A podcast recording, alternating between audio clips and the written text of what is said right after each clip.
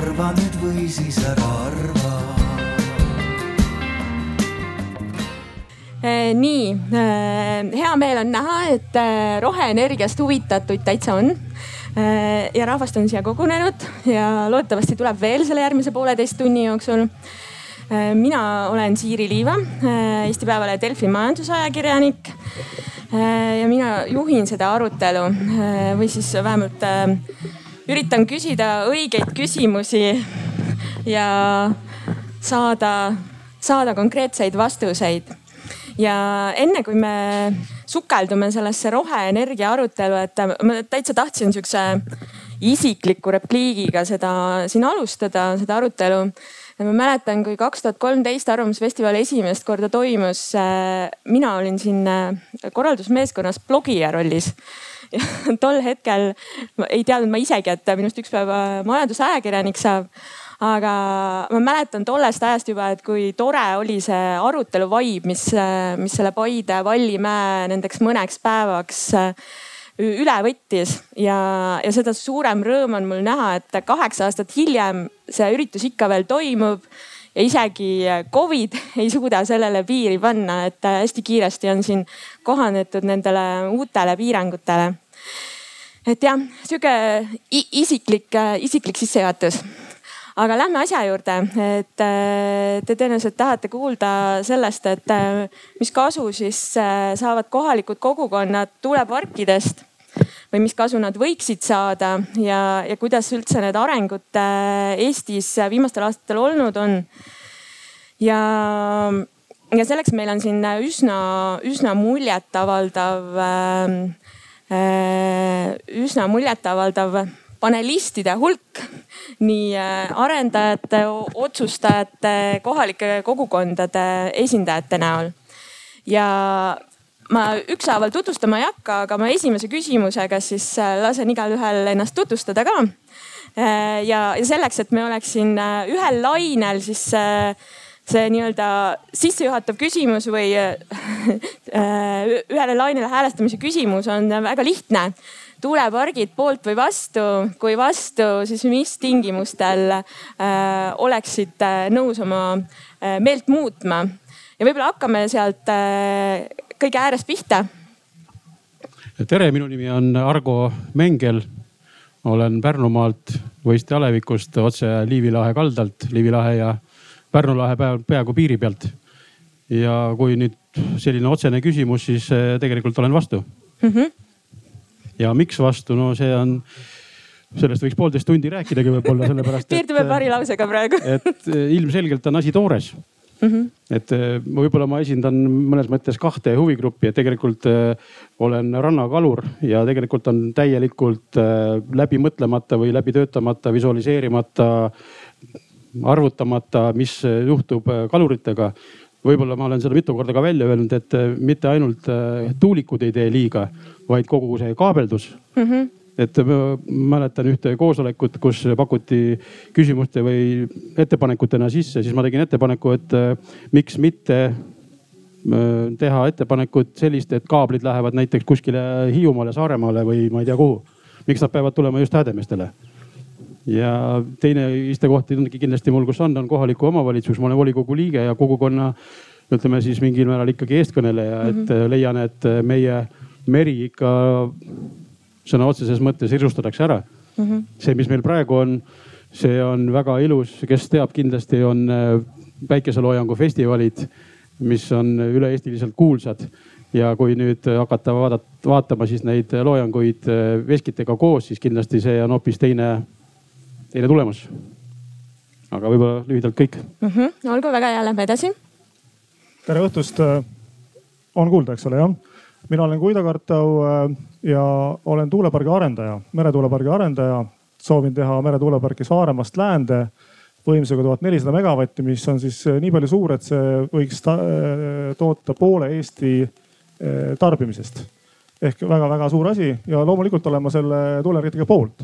aga ma arvan, et ma ei ole mitte sellepärast tuuleenergeetika poolt, et ma olen arendaja, vaid ma olen arendaja sellepärast, et ma olen tuuleenergeetika poolt. ja see ei ole veel nagu põhipõhjus. Põhipõhjus on ikkagi see, et et, äh, et meil on siin äh, kliimamuutused ja, ja see on päriselt niimoodi. ilmselt on täna ka Paides inimesi, kes arvavad, et kliimamuutus ikkagi ei ole, et see on mingi väljamõeldud jama aga, aga no mina olen selles veendunud, et see ikkagi, ikkagi on ja ma usun, et äh, pigem on enamus neid, kes sellega nõustuvad. ja me peame selle kliimamuutusega tegelema, mitte võib-olla tänaste kohalike omavalitsuste valimiste tõttu ja järgmiste presidendivalimiste tõttu, veel midagi sellist. Vaid pigem nende laste tõttu, kes, kes meil on ja keda võib-olla täna siin väga palju ei ole. et, et see on, see on väga suur väljakutse ja, ja sellega tuleb, tuleb tegeleda mm. -hmm. aitäh tere kõigile ka minu poolt, mina olen Jaanus, energeetika osakonna juhataja Majandus- ja Kommunikatsiooniministeeriumis. mina olen ka eh, kindlasti tuuleparkide poolt. Eh, olen poolt nii, nii kodanikuna kui ka majandusministeeriumis eh, energeetika valdkonna ühe eestvedajana miks? väga lihtne põhjus. tuuleparke on meil vaja, sest sellega me saame selle kliimaneutraalsuse suundumuste tuules meile jõukust luua ja tagada ka meie elektrivarustuskindlust, et ega meil, meil nagu väga palju muid häid lahendusi ei ole ja isegi kui nad tulevad, tuuleparkide rajamine on kahetsusvaba tegevus juba täna äh, ja, ja kindlasti nende muredega, mis on siin välja toodud, tuleb mhm. tegeleda ja need, need lahti rääkida. aga ma tahan öelda, et, et need kõik päris nii mustvalged ei ole, et, et kaablid häirivad kalu ja kõike muud, et ega eks me pärast räägime. ja sellest me jõuame veel lähemalt rääkida, jah. ja aitäh tere õhtust, Karel Tölp ja Häädemeeste vallavanem. et äh, valdade ühinemise eelselt olin äh, Tahkuranna vallavanem ja Tahkuranna vallavolikogu ütles Pärnu mereala planeeringu kehtestamise juures ei kooskõlastuse juures, sellepärast et äh, need uuringud, mis me soovisime, et tehtaks planeerimisprotsessis, kus oleks olnud kindlasti kogukondadele julgem ja õigem aeg seda teha, siis neid ei tehtud ja seetõttu ütles volikogu ei, et, et ähm, seega ma ütleks tuuleparkidele Pärnu lahe peal kindlasti antud olukorras selle planeeringuga, mis kehtib, ei. aga kui me räägime põhimõtteliselt üldiselt, kas tuuleenergeetika peaks Eestis olema ja kus me energiat saame, siis ega alternatiive ju väga palju pole. nii et äh, põhimõtteliselt küll, aga see, mis täna Pärnu lahe peal tehtud on, et see ei ole õige -hmm.. okei aitäh.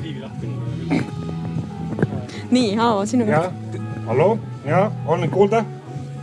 ilma mikrofonita umbes sama umbes sama. tervist, tervist kõigile tervist kõigile, minu nimi on Aavo Kärmas.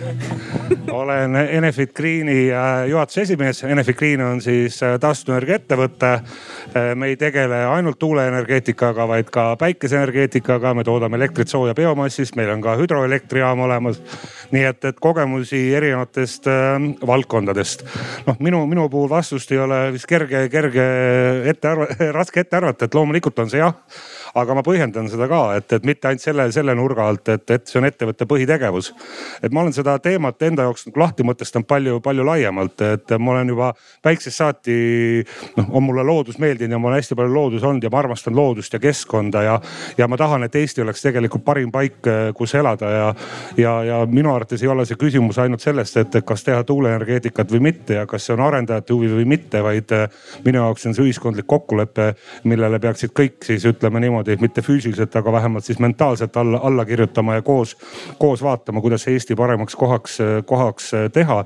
ja kui me räägime taastuvenergiast, siis äh, kindlasti maismaa tuul on, on praegu ja kindlasti ka tulevikus äh, üks kõige ka taskukohasem viis, kuidas äh, ühtepidi taastuvenergia eesmärke riigina saavutada ja teistpidi ka ta tarbijatele ei oleks kuidagi, kuidagi kurnav, nii et jah, aga, aga koostöös.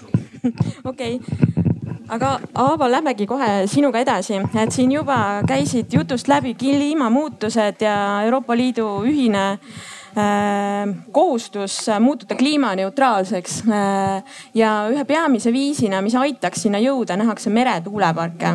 et Enefit Greenil on ka mitu projekti äh, pooleli. Kui rahule võib praegu Eestis jääda meretuuleparkide arendustempoga? Noh, kui äh, projekte on arendatud aastast kaks tuhat kuus või kaks tuhat kümme, siis ei saa ju kuidagi sellega rahul olla. et äh, tegelikult ühe meretuulepargi arendus äh, ideaalis võtab aega kuskil kümme, üksteist aastat, alates siis ütleme sellest, kus hakkad sellega tegelema mm, -hmm. kuni see park valmis on. aga noh, eks neid põhjuseid on olnud siin, siin erinevaid, et küll, küll planeeringud on, on veninud, küll on olnud siin riigikaitse küsimusi, küll on olnud siin kohalikke vastasseise.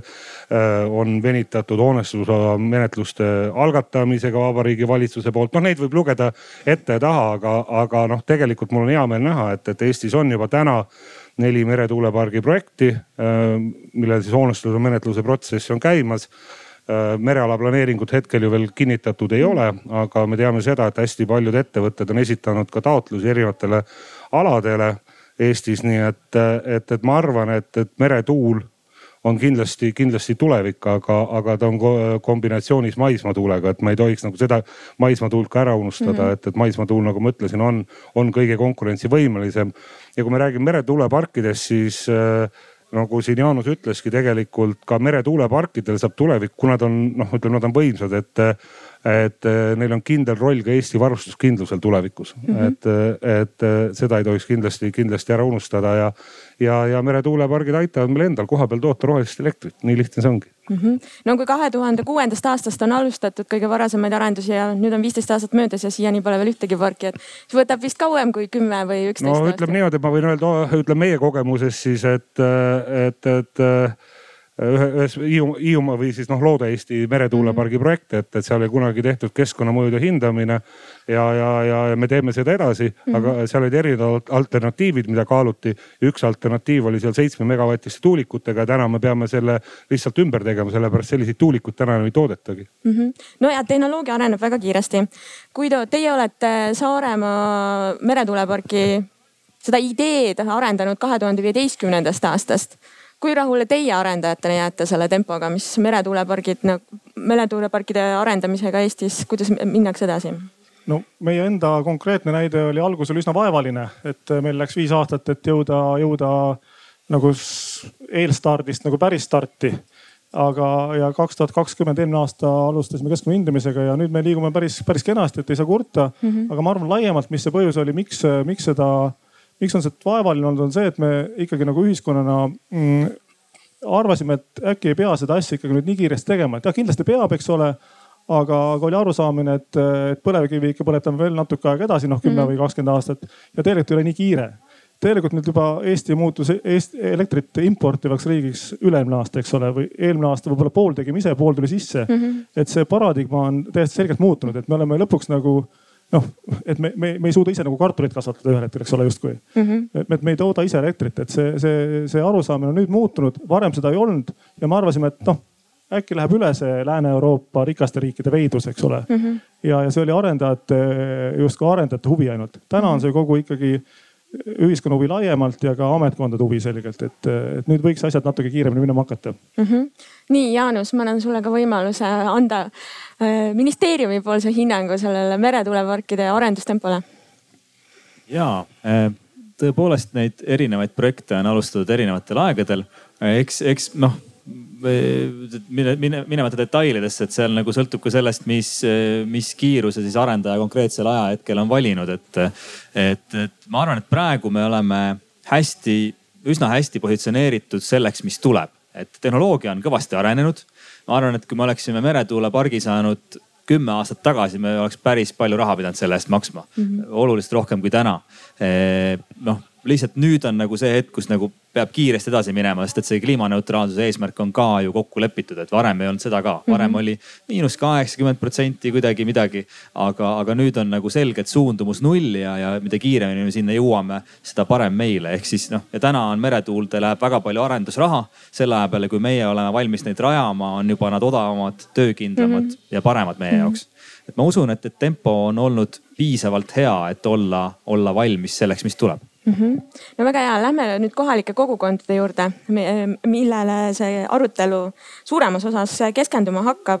et äh, Argo, mina sain aru, et te olete elanud ka tuulepargi lähedal ei ole. otseselt ei ole elanud? ma elan küll sellise koha peal, kus on üle kolmesaja päeva aastas tuul. ahah, okei okay..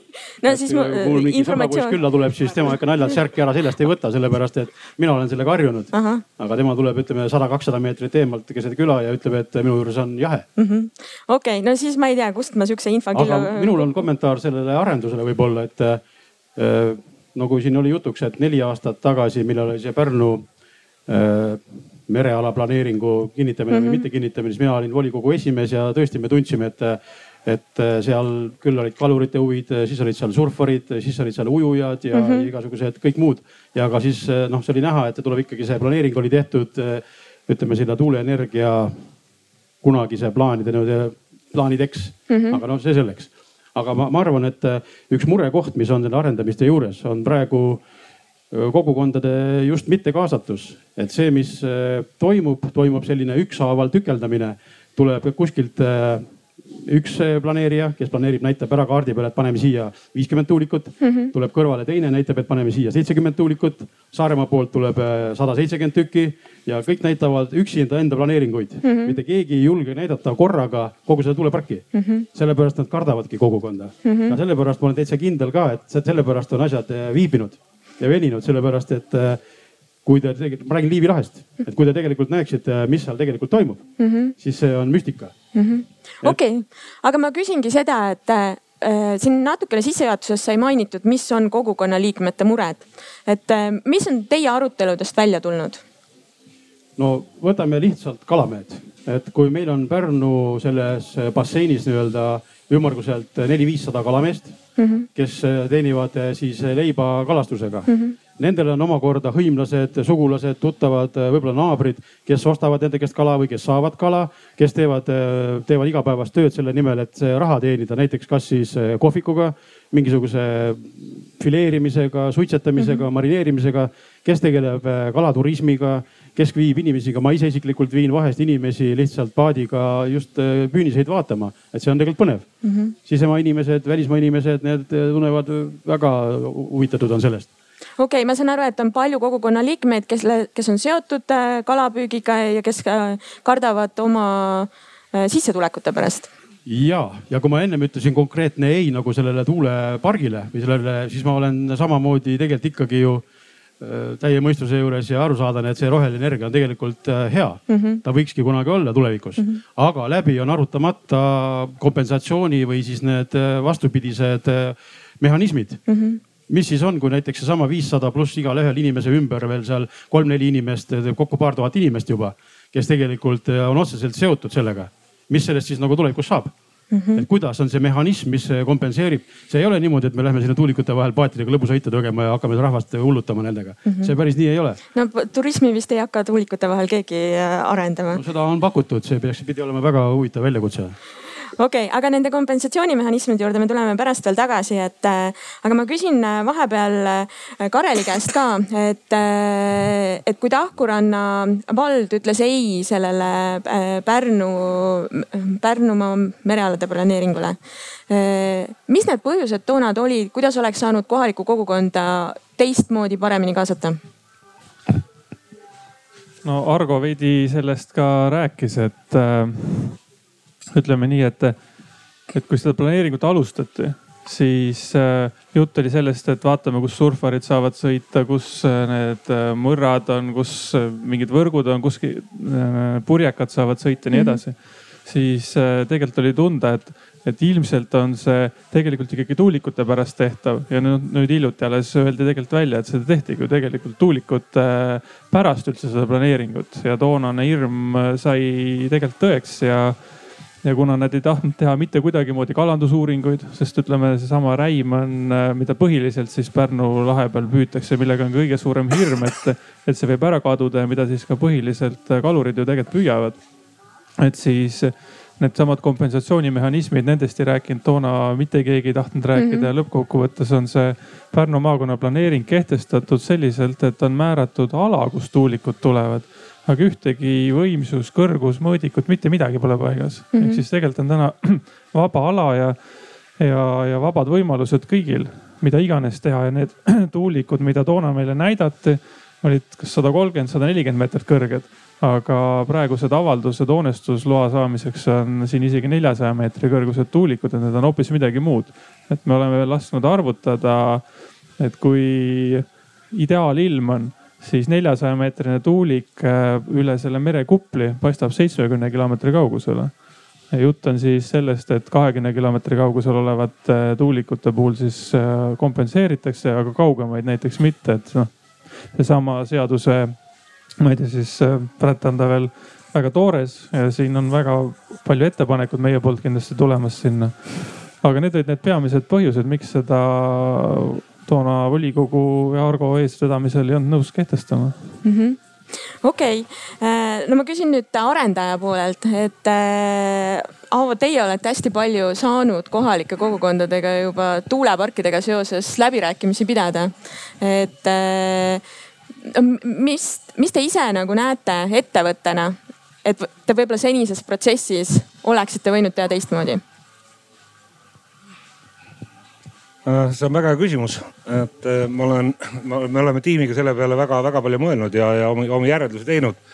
aga üks, üks asi, mida, mida ma olen enda jaoks nagu lahti mõtestanud, on tegelikult see, et äh, alates sellest hetkest, kui arendajal tekib huvi, mitte huvi, vabandust, vaid mõte või idee mm -hmm. ühte, ühte arendust teha, siis tegelikult esimene, esimene asi on see, et kohe tuleks tegelikult hakata rääkima kohalike kogukondade ja omavalitsustega ja et nad oleksid kohe alguses juba selle mõtte, mõttega koos kaasas, et, et lihtsalt see, et, et kuskil, kuskil on mingi, mingi planeering ja, ja, ja mis on, mis on algatatud ja siis minna või, või kuskil tahetakse uuringut teha, siis, siis minna, et see on tegelikult liiga hilja. Et ma saan tegelikult suurepäraselt sellest aru, et, et igal, igal tegevusel, inimtegevusel on ju mõju Mm -hmm. noh, et, et lõppkokkuvõttes on tuulepargil mõju, on päikesepargil, pargil mõju ja, ja, ja selge on see, et, et noh, inimestel on alguses ju teadmatus ja, ja teadmatus tekitab, tekitab hirmu mm. -hmm. et, teine asi, mida ma olen õppinud, on see, et, et, et ka alguses, kui sa tegelikult kõike ei tea ja sa ei teagi väga-väga paljusid asju. et kui sa arendab, arenda, arendusprojektiga pihta hakkad siis tuleb, siis tuleb ikkagi rääkida noh kasvõi siis muudest praktikatest mujalt on ju, milline võib olla näiteks ühe tuuliku mõju inimesele. milline võib ta olla kaladel, loomulikult tuleb noh spetsiaalset kohta põhjalikult uurida, sellepärast et noh, kui me räägime näiteks äh, Liivi, Liivi lahest on ju, räimedest on ju, räim on ju Eestis ikkagi kõige parema kuulmisega kala on ju, et, äh, et kuidas see tegelikult, tegelikult seda kala mõjutab, aga kõik need uuringud ju tehaksegi ja nad tehaksegi alles hilisemas faasis ja väga mm, -hmm. väga detailselt, et öelda täna, et, et kuidas see meretuulepark mõjutab näiteks räime, räime neid kudemisrändeid või kuidas seda, kuidas seda nimetatakse. jah, me teame, kus räimed liiguvad, osad tulevad sealt Läti poolt, teised tulevad Saaremaa poolt, aga kuidas nad tulevikus liiguvad, seda ongi täna väga raske öelda, selle jaoks tuleb ju põhjalikud uuringud ära teha mm. -hmm. ja uuringute mõte ei ole lihtsalt välja selgitada seda, et, et milline on see mõju, vaid pakkuda välja ka leevendusmeetmed nii et, et ühesõnaga ja tegelikult ma olen nimetanud neid arendusprojekte ettevõttes kommunikatsiooniprojektideks. et, et need ei ole inseneride projektid, mida insenerid mm -hmm. teevad vaid eh, see, see on ikkagi see, et, et tuleb erinevate osapooltega pidevalt suhelda, neid kuulata ja püüda, püüda neid kompromisse leida mm. -hmm. ma kohe küsin edasi, aga ma annan Karelile võimaluse repliigiks. ja ma ajaks veidi teravamaks seda, et eh, kui Aavo räägib sellest, et kogukondadega tuleb teha koostööd, siis eh, tuletame meelde novembrikuud eelmist aastat, kui Häädemeestel oli koosolek, kus rahvas oli väga vastu sellele alale, kus te tahtsite tuulikuid teha ja väga teravaks läks. ja toona te ei rääkinud midagi sellest, et te tulete veel kõrgemate tuulikutega rannale veel lähemale. et kuidas te nagu ootate, et kogukond siis head koostööd teeb teiega? ei tea, kas ma pean vastama või? no võiks vastata jah. et äh, ei noh, ma mõtlen lihtsalt. kui sellest, küsimus püstitati. No, et me oleme ju rääkinud Kareliga sellest juba, juba varem ka, et, äh, et. no paari lausega siin ka, et auditoorium ka saaks vastuse. No, küsimus, küsimus oligi, oligi selles, ma, ma tunnistasin sulle ma ütlesin ka, et, et tegelikult me ütleme niimoodi, et tegelikult päris aus olla, siis kui me novembrikuus käisime, siis ei olnud meil veel mõtet või isegi plaan, no ütleme plaani valmis, kas me esitame täiendavad taotlused või, või mitte. Et mida me oleks pidanud tegema, oleks tegelikult see, et, et enne kui me need taotlused esitasime, me oleks pidanud tulema ja rääkima.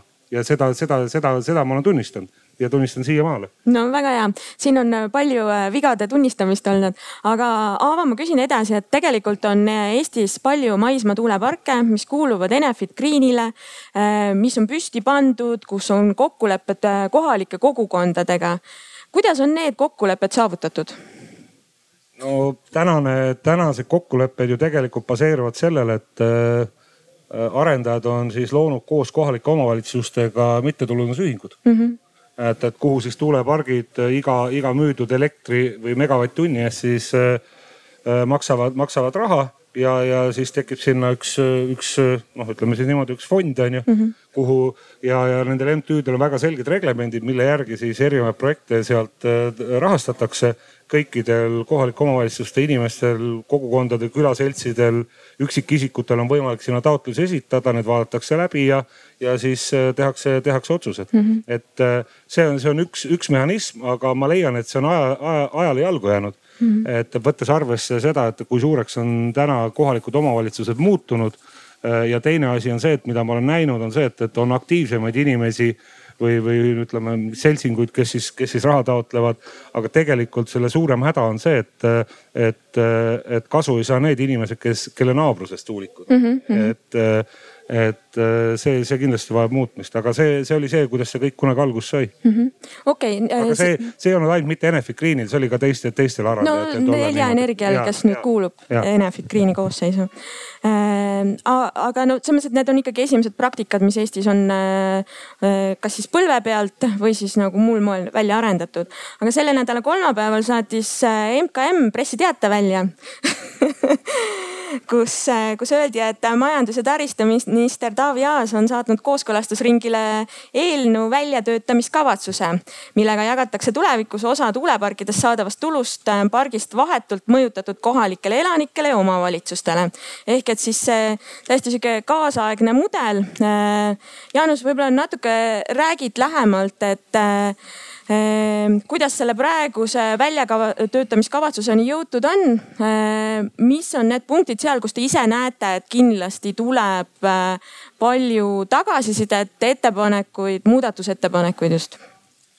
ja aitäh, ehm, sellega läks jah hästi, et jõudis äh, just sellesse faasi, et välja saata vahetult enne seda tänast äh, arutelu, et see ei olnud kindlasti nii plaanitud. aga, aga jah see on üks osa sellest protsessist, mis me ministeeriumis teeme, kui, kui siin otsida süüdlasi, et eks alati ministeerium on süüdi, et, et ei ole tehtud ja, ja eks me siis proovime enda vigadest äh, õppida ja kui midagi on tegemata ja siin oli näha selgelt, et nii kohalikud omavalitsused kui ka arendajad kui ka kohalikud kogukonnad tahaksid sellist konkreetset selgust, et mida siis saab, kes, kui palju, mille eest. noh, see MTÜ mudel ka seni on töötanud mm, -hmm. et makstakse raha sinna, aga mis projektid sealt raha saavad mis tingimustel, kas nad üldse saavad, kas seda raha kantakse. et nii palju lahtseid küsimusi, korruptsioonioht potentsiaalselt. et, kõige selle jaoks, mitte et meile nagu meeldiks kogu aeg õigusakte teha ainult ja reguleerida midagi, et mm -hmm. selle jaoks, et luua see selgus ja tuua see tuuleparkidest saadav kasu selgetel alustel kohalikule tasandile lähemale, nii vahetult mõjutatud isikutele kui kohalikule omavalitsusele. omavalitsustele me sellise eelnõuga tegime, et sellega läks eh, omajagu aega, et neid esialgseid põhimõtteid paika panna räägime põhimõtetest ka natuke. seal ongi erinevad mudelid nii maismaa kui ka meretuuleparkidele. maismaa tuuleparkidel on siis äh, praegune ettepanek, mis, mis kui soovitakse, saab muutuda, aga noh, need pargid peavad ka rajatud saama. Äh, on siis null koma viis eurot megavatt-tunni kohta, mis on võrreldav äh, tänaste, tänaste kokkulepete kohta, kokkulepetega ja, ja see raha jaguneks tänase ettepaneku järgi viiskümmend protsenti kohalikule omavalitsusele ja viiskümmend protsenti siis nendele inimestele, kes siis on seal lähedal, on vastavalt kõrgusele on siis kaks või kolm kilomeetrit raadius sellest tuulepargist. ja, ja kui võtta siin saja megavatine tuulepark, siis sealt saab aastas üks noh, oleneb kui hästi läheb, sada viiskümmend tuhat eurot, mis siis läheb jagamisele. võib, võib päris õnneks minna, kui see tuulepark tuleb äh, lähedale, et võib-olla seal sada isikut, kelle vahel jagatakse, aga võib-olla ka, ka vähem no ma saan aru, et äh, näiteks äh, saja megavatise tuulepargi puhul, et kui see tasu jagataks KOV-i ja saja majapidamise vahel, siis saaks iga ela, mõjutatud elanik seitsesada viiskümmend eurot aastas. jah, kui neid on seal sada, aga kui neid on kümme, siis on juba. siis on üks null juures. jah, siis on hoopis teised numbrid, et, et täna, täna ei olegi seda teada ja noh, see park võib olla ju ka suurem mm. -hmm. No, ja, ja kui palju neid mõjutatud isikuid on, et see mhm. null koma viis eurot on ka tulnud sellest, et see on, see on, me oleme arendajatega arutanud, et see on see, mis nagu tundub, et need pargid ei jää rajamata, see on ka kuni, ehk siis kohalik omavalitsus võib muuta enda keskkonna atraktiivsemaks ja sealt allapoole tulla.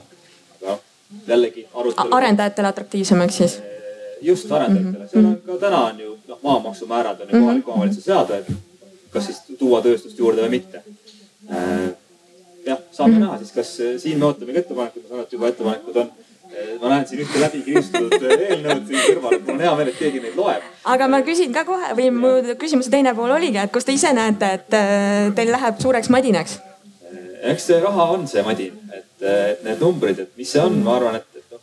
see kuni null koma viis eurot. see null koma viis eurot megavatt-tunni kohta võib olla see, aga kindlasti on, on see ka siis meretuuleparkide puhul, et, et kui suur see summa on, mis läheb nende kohalike omavalitsuste vahel mm -hmm. jagamisele. nii et meretuuleparkide puhul on natukene teistsugune mudel kasutusel, sest need pargid paiknevad kaugemal.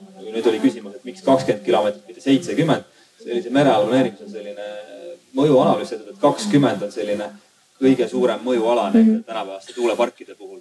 seitsekümmend kilomeetrit jah, ta on nähtav, aga, aga no ütleme, et maastik ei ole ka sile nagu veepind mm. -hmm. et, et ilmselt nagu nii kaugele see alati ei ulatu okei okay,, ärme lähme sinna, ärme jää sinna detaili äh, kinni, aga ma annan nüüd sõna kogukondade esindajatele, et äh, Argo. ja ma tahtsin äh, kommenteerida, et olles ise oma teada vähemalt neljandat põlve rannakalur, siis diagonaalis seda eelnõud läbi vaadates vaatasin, et juttu käib kalandusest küll, aga kui rannakalurid on võidelnud ka, nii palju kui mina mäletan, kogu aeg traalimeestega et küll on trallimehed püüavad rohkem ja rannakalurid on sihuke vaeslapse rollis olnud mm, -hmm. siis eelnõu millegipärast ka mainib äh, traalimehi küll, kõik, kes trallimehed peaksid kompensatsiooni saatma, aga minu arust rannakaluritest juttu ei olnud. nii jah, Jaanus ja,? see ongi, mul on hea meel, et see küsimus tuli. Äh, jällegi tagasisidet me ootame väga, aga, aga me mõtlesime sellega enne läbi, et see päris niimoodi ei olnud, et me unustasime rannakalurid ära. nii palju, kui kui meie oleme mereala planeeringu protsessist aru saanud, tõesti, ma hariduselt energeetik, et ma olen pidanud siin õppima juurde ka räimede kuulmise kohta, väga, väga põnev on. päris ja, ja sealt tuleb veel palju õppida juurde, aga, aga, aga kes on vahetult mõjutatud, võib olla see traalpüügisektor, sest et teatud piirkonda tulevad tuulepargid, kus ei saa traalpüüki teha mis aga võib tähendada hoopis positiivset mõju rannakaluritele, sest et kui sealt jääb siis see kvoot püüdmata, siis see kvoot võib minna rannakaluritele üle, nii et rannakaluritel võib isegi veel eh, kvooti, kvoot suureneda, nii et täna me ei ole tuvastanud, et, et rannakaluritel oleks negatiivne mõju. loomulikult, kui see on tuvastatav, siis saab ka selle kompensatsiooni sinna jagada. ma pean eh, mitmendat korda seda ütlema, et eh, kui on juttu olnud, siin tuulepargid tulevad Liivi lahti kes kujutab geograafiliselt ette, kuidas Liivi laht üldse paikneb seal Saaremaa ja, ja Kura ja, ja lätlaste vahel seal siis tegelikult ma pean ikka uuesti kordama, et räim tuleb sealtsamast, mitte ei tule Pärnu jõest alla. et ta tuleb ikkagi sellest küljest, kus te plaanite teha neid tuuleparke. just, aga nende tuulepargid ei tule ju tihedalt niimoodi mm, trellidena ette, et need on ikka vahemaad on ju vahel. kaablid ja need kaablid on alalisvoolukaablid, mis ei avalda mõju kaladele, et sealt ei tule seda vahelduvvoolu, seda magnet välja, et, et sellest on ju ka räägitud. ma olen algusest saadik rääkinud, et äh, palun äh, noh, tooge mingeid näiteid muust maailmast Mm -hmm. ma ütlen teile, et Pärnu laht äh, oma lõuna poole avanemisega on unikaalne üldse siin, ma arvan, vist paari tuhande kilomeetri raadiuses. sellist lahti ei ole olemas.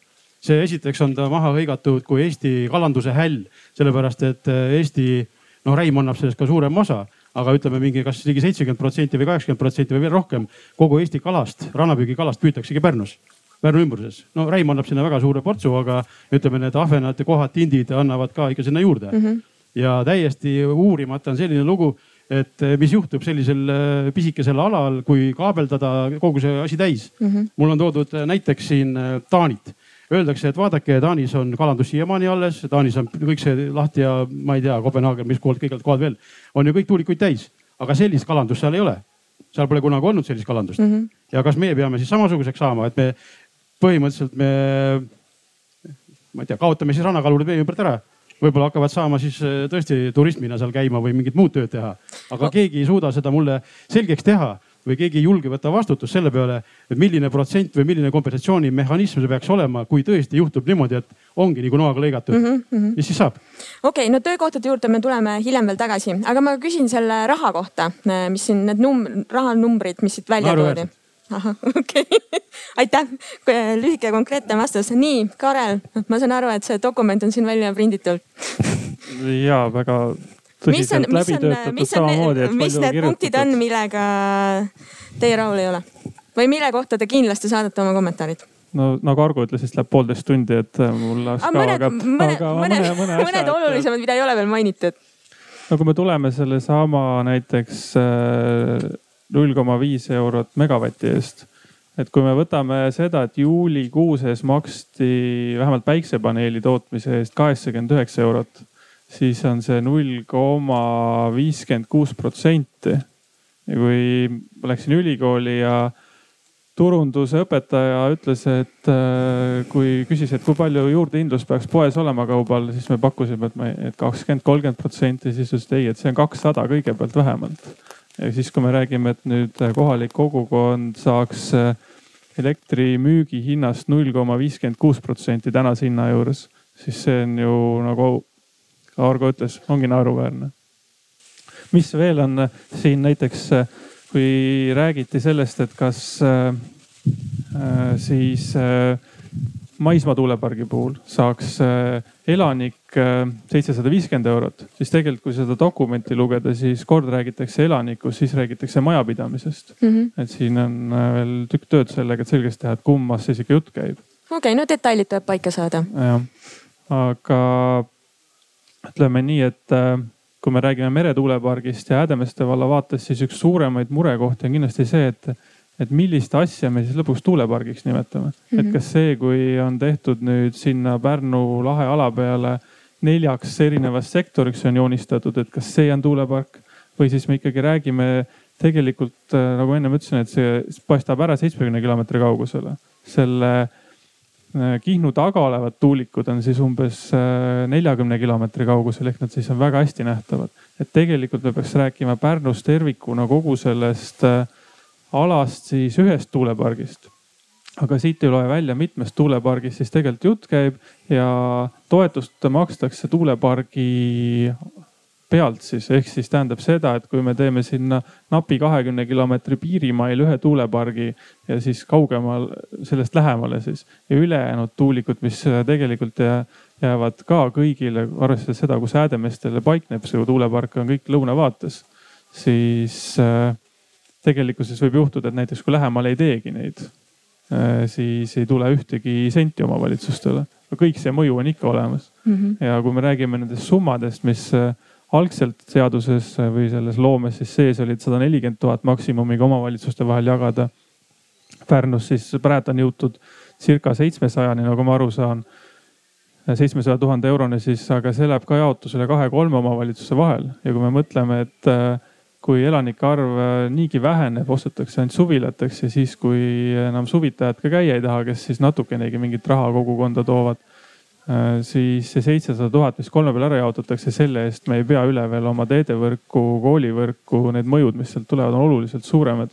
ehk siis see summa peaks olema kindlasti suurem ja kui me riigiga siin nelja omavalitsusega siis kirjutasime kirja, kus vastata, me noh, meie soov oligi, et tehtaks maakonna planeering tühistataks selles osas ja tehtaks üle Eesti, mis tehakse täna tuuleenergeetika planeeringut, tehtaks üle Eesti ühtselt. et kui me võtame seda, noh ühtepidi kogukondadega peaks arvestama. aga ma ei tea, ma võib-olla olen natukene teist meelt selles mõttes, et, et minu arust riik ei käitu siin jällegi riigina, et kui me tahame, et tuuleenergeetika või üldse roheenergia tekiks, siis minu arust peaks riik äh, tegema üle Eesti ühtse planeeringu, vaatame üle, kus on no, millised mõjud, kui suured kuskil on, kui väiksed kuskil on ja ütlema niimoodi, et nüüd see on see ala arendajatele ostke siis äh, oksjoniga see hoonestusõigus mm -hmm. sinna ja te saate selle tuulepargi sinna teha. ja sellised, sellised mõjud on, arvestatakse välja ja kui igal juhul kuskil inimesed kannatavad. täna käib nagu selline, et hirmutame inimesi ühes kohas, hirmutame teises kohas üle Eesti ja keegi ei tea, kuhu tuulikupark üldse tuleb. ma saan aru, viisteist aastat on mõnes pool juba hirmutatud inimesi. et see ei ole nagu minu arust normaalne, et riik peaks paari aastaga planeeringu ära tegema, ütlema nii sinna tulevad ja siis kompenseerime need mõjud nendele inimestele, kes seal elavad ja, ja mõistlikult. noh mm -hmm. näiteks nagu võtame Ida-Viru need kaevandusomavalitsused.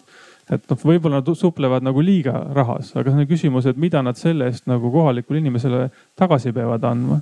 et kui inimeste arv väheneb või oht on, et väheneb, siis tegelikult peab omavalitsusel olema raha, et me neid seal kinni hoiame. me peame suutma pakkuda mingisuguseid lisaboonuseid mm. -hmm. ma ei, ma ei mõtle sellele, et me maksame otse inimestele arvele raha mm, -hmm. vaid nagu mingid muud teenused või vajadused, mis inimestel on okei okay,, no kohe jõuame nende boonuste juurde ka, aga Jaanus, äh, paranda mind, kui ma olen valesti aru saanud.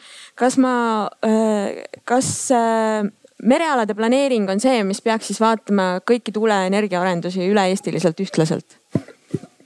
mereala planeering vaatab meretuuleenergia arendusi ühtlaselt üle Eesti, aga seal on juba arendused, mis on varem pihta hakanud, näiteks needsamad äh, Liivi lahes olevad arendused, et, et nendelt kellelgi midagi käest ära võtma ei hakka mm. -hmm. aga maismaa? Äh, maismaa aladel on siis, kunagi on tehtud need maakonnaplaneeringud kus, kus on märgitud, aga, aga see mudel on meil detsentraliseeritud mudel, et, et me, me sellist niimoodi tsentraliseeritud planeerimist, kus riik näitab näpuga, et siia tuleb, siia tuleb ja siia tuleb. kogulik, kohalikud kogukonnad küsivad.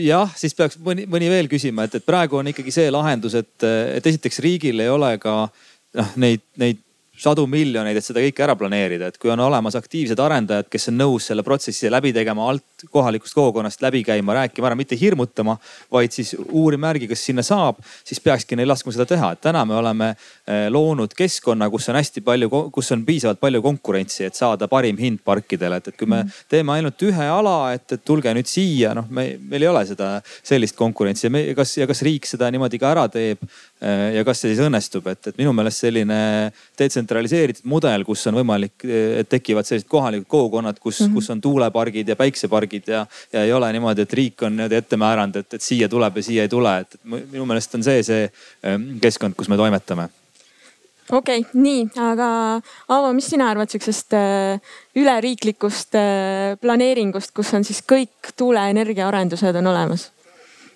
Teie arendajatena oleksite nõus sellisesse asja panustama, ellu kutsuma?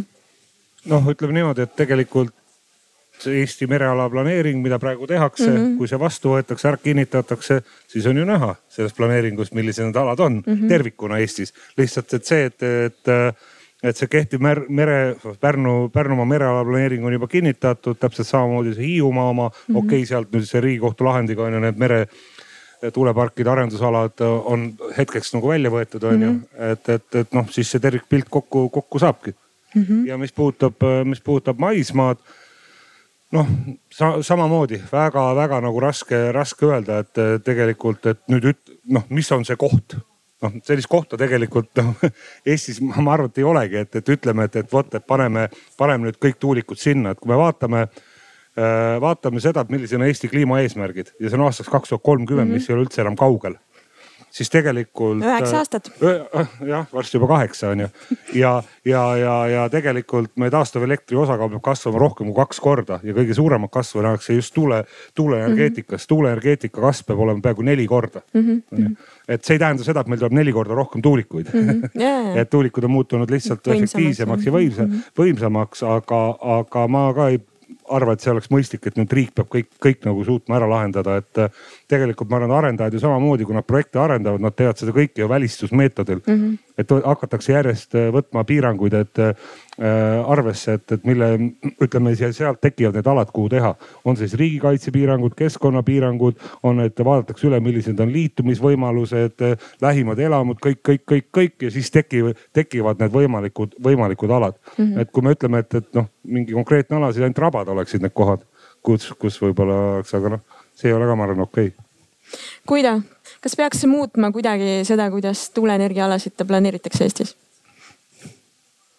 No seda planeerimist on tehtud ju Eestis äh, taasiseseisvumisest alates erineval viisil. Äh, ja mitte ainult tuulikute planeerimist, kogu planeerimissüsteem mm -hmm. Eestis on ju suhteliselt äh, noh, Rootsi mudeli järgi alustatud, nüüd on ta edasi arenenud ma nagu selles planeerimissüsteemis ei näe nagu mingeid fundamentaalseid probleeme. saab teha ühtemoodi, saab teha teistmoodi. kindlasti ei ole võimalik teha üle-eestilist äh, ülitäpset detailplaneeringut, mis lahendaks kõik asjad ära, sest -hmm. lisaks tuulikutele tuleb siis planeerida ära ka kuurid, garaažid, kraavid äh, ja kõik muud majad, et äh, et seal ühes raamatus arvutati välja, mis on elu mõte, eks ole, oli mhm. vastuseks nelikümmend kaks. me ei suuda seda. okei, Jaan. mina tahtsin kommenteerida võib-olla seda planeeringut, et ega no nagu ma ennem ütlesin, keegi otseselt ei taha enda neid äriideid avaldada, kui palju, kuhu, mida tuleb. ja mis muidugi murekoht meie jaoks on, kuna me elame ka, see Häädemeeste vald piirneb tegelikult ju Läti Vabariigiga mm, -hmm. siis äh, noh, tegelikult oleks aus ju ka tutvustada ka Läti plaane.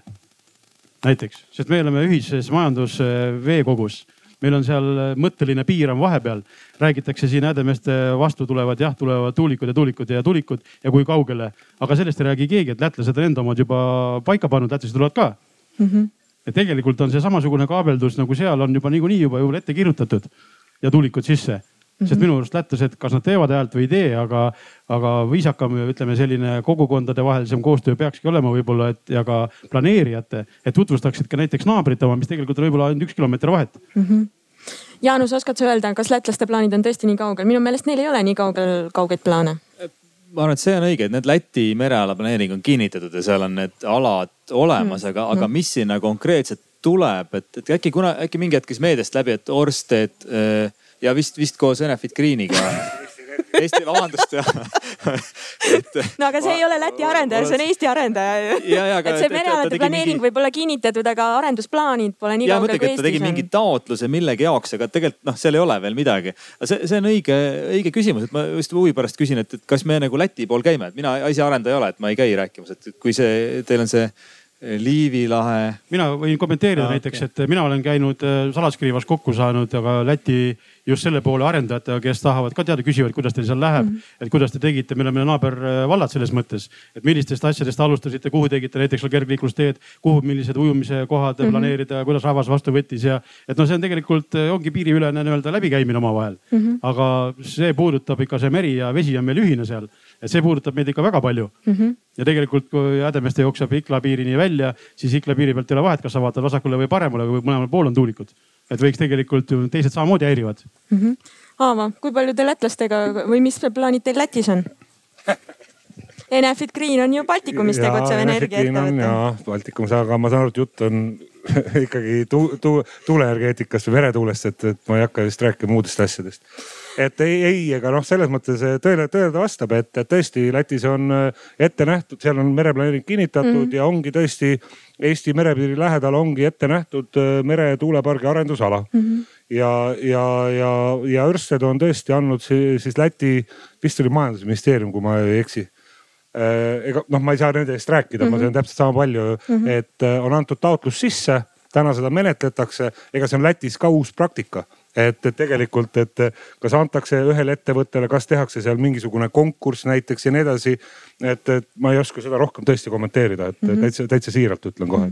okei okay,, aga jätame Läti praegu Lätti ja tuleme tagasi äh, selle juurde, et mida kohulik, kohalikel kogukondadel äh, võiks siiski olla võita sellest, kui tuulepargid äh, püsti pannakse Äh, siin oli juttu äh, töökohtadest, mis võivad kaduda ja päris äh, suurel hulgal, et mitte ainult kalurid ise, vaid ka nendega, nende hõimlased ja, ja teiste ametite pidajad, kes on seotud sellega. Guido, mis on need otsesed ja kaudsed töökohad, mis kaasnevad tuuleparkide rajamisega, millest just kohalikud kogukonnad võivad võita või tööd saada? no ma algan sellest pihta, et kui me Saaremaale Äh, läksime oma ta, noh taotlus läks Tallinnasse loomulikult, eks mm -hmm. ole, aga Saaremaal käisime ka asja rääkimas ja tutvustamas. teeme seda siiamaani.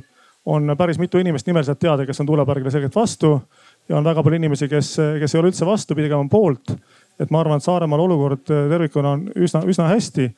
ja see, mis me kohe algusest peale ütlesime, on see, et, et tuulepark loomulikult seesama kliima, millest ma, millest ma alustasin ka täna mm, -hmm. see on kõige väga tähtis. aga lisaks sellele, et meil on globaalne kliimakriis, eks ole on meil ka ikkagi nagu kohalikud huvid ja, ja, ja see tuulepark seal Saaremaa juures peab teenima ka Saaremaa ja saarlaste huvisid. igal sammul, kui me seal midagi teeme, mõtleme, et kuidas me saame seda teha. noh, kuni pisiasjadeni välja, et ma elan ka Tartus ise, aga meil on kodus kokkulepe, et kui me läheme poodi Konsumisse, ujulasse, ujula Konsumisse, siis ma katsun osta Saaremaa piima, Saaremaa lihatooteid ja nii edasi, eks ole. see on see on, see on väike asi, eks ole, et, et varem, varem ma ostsin siit, siit Järvamaa võid, eks ole.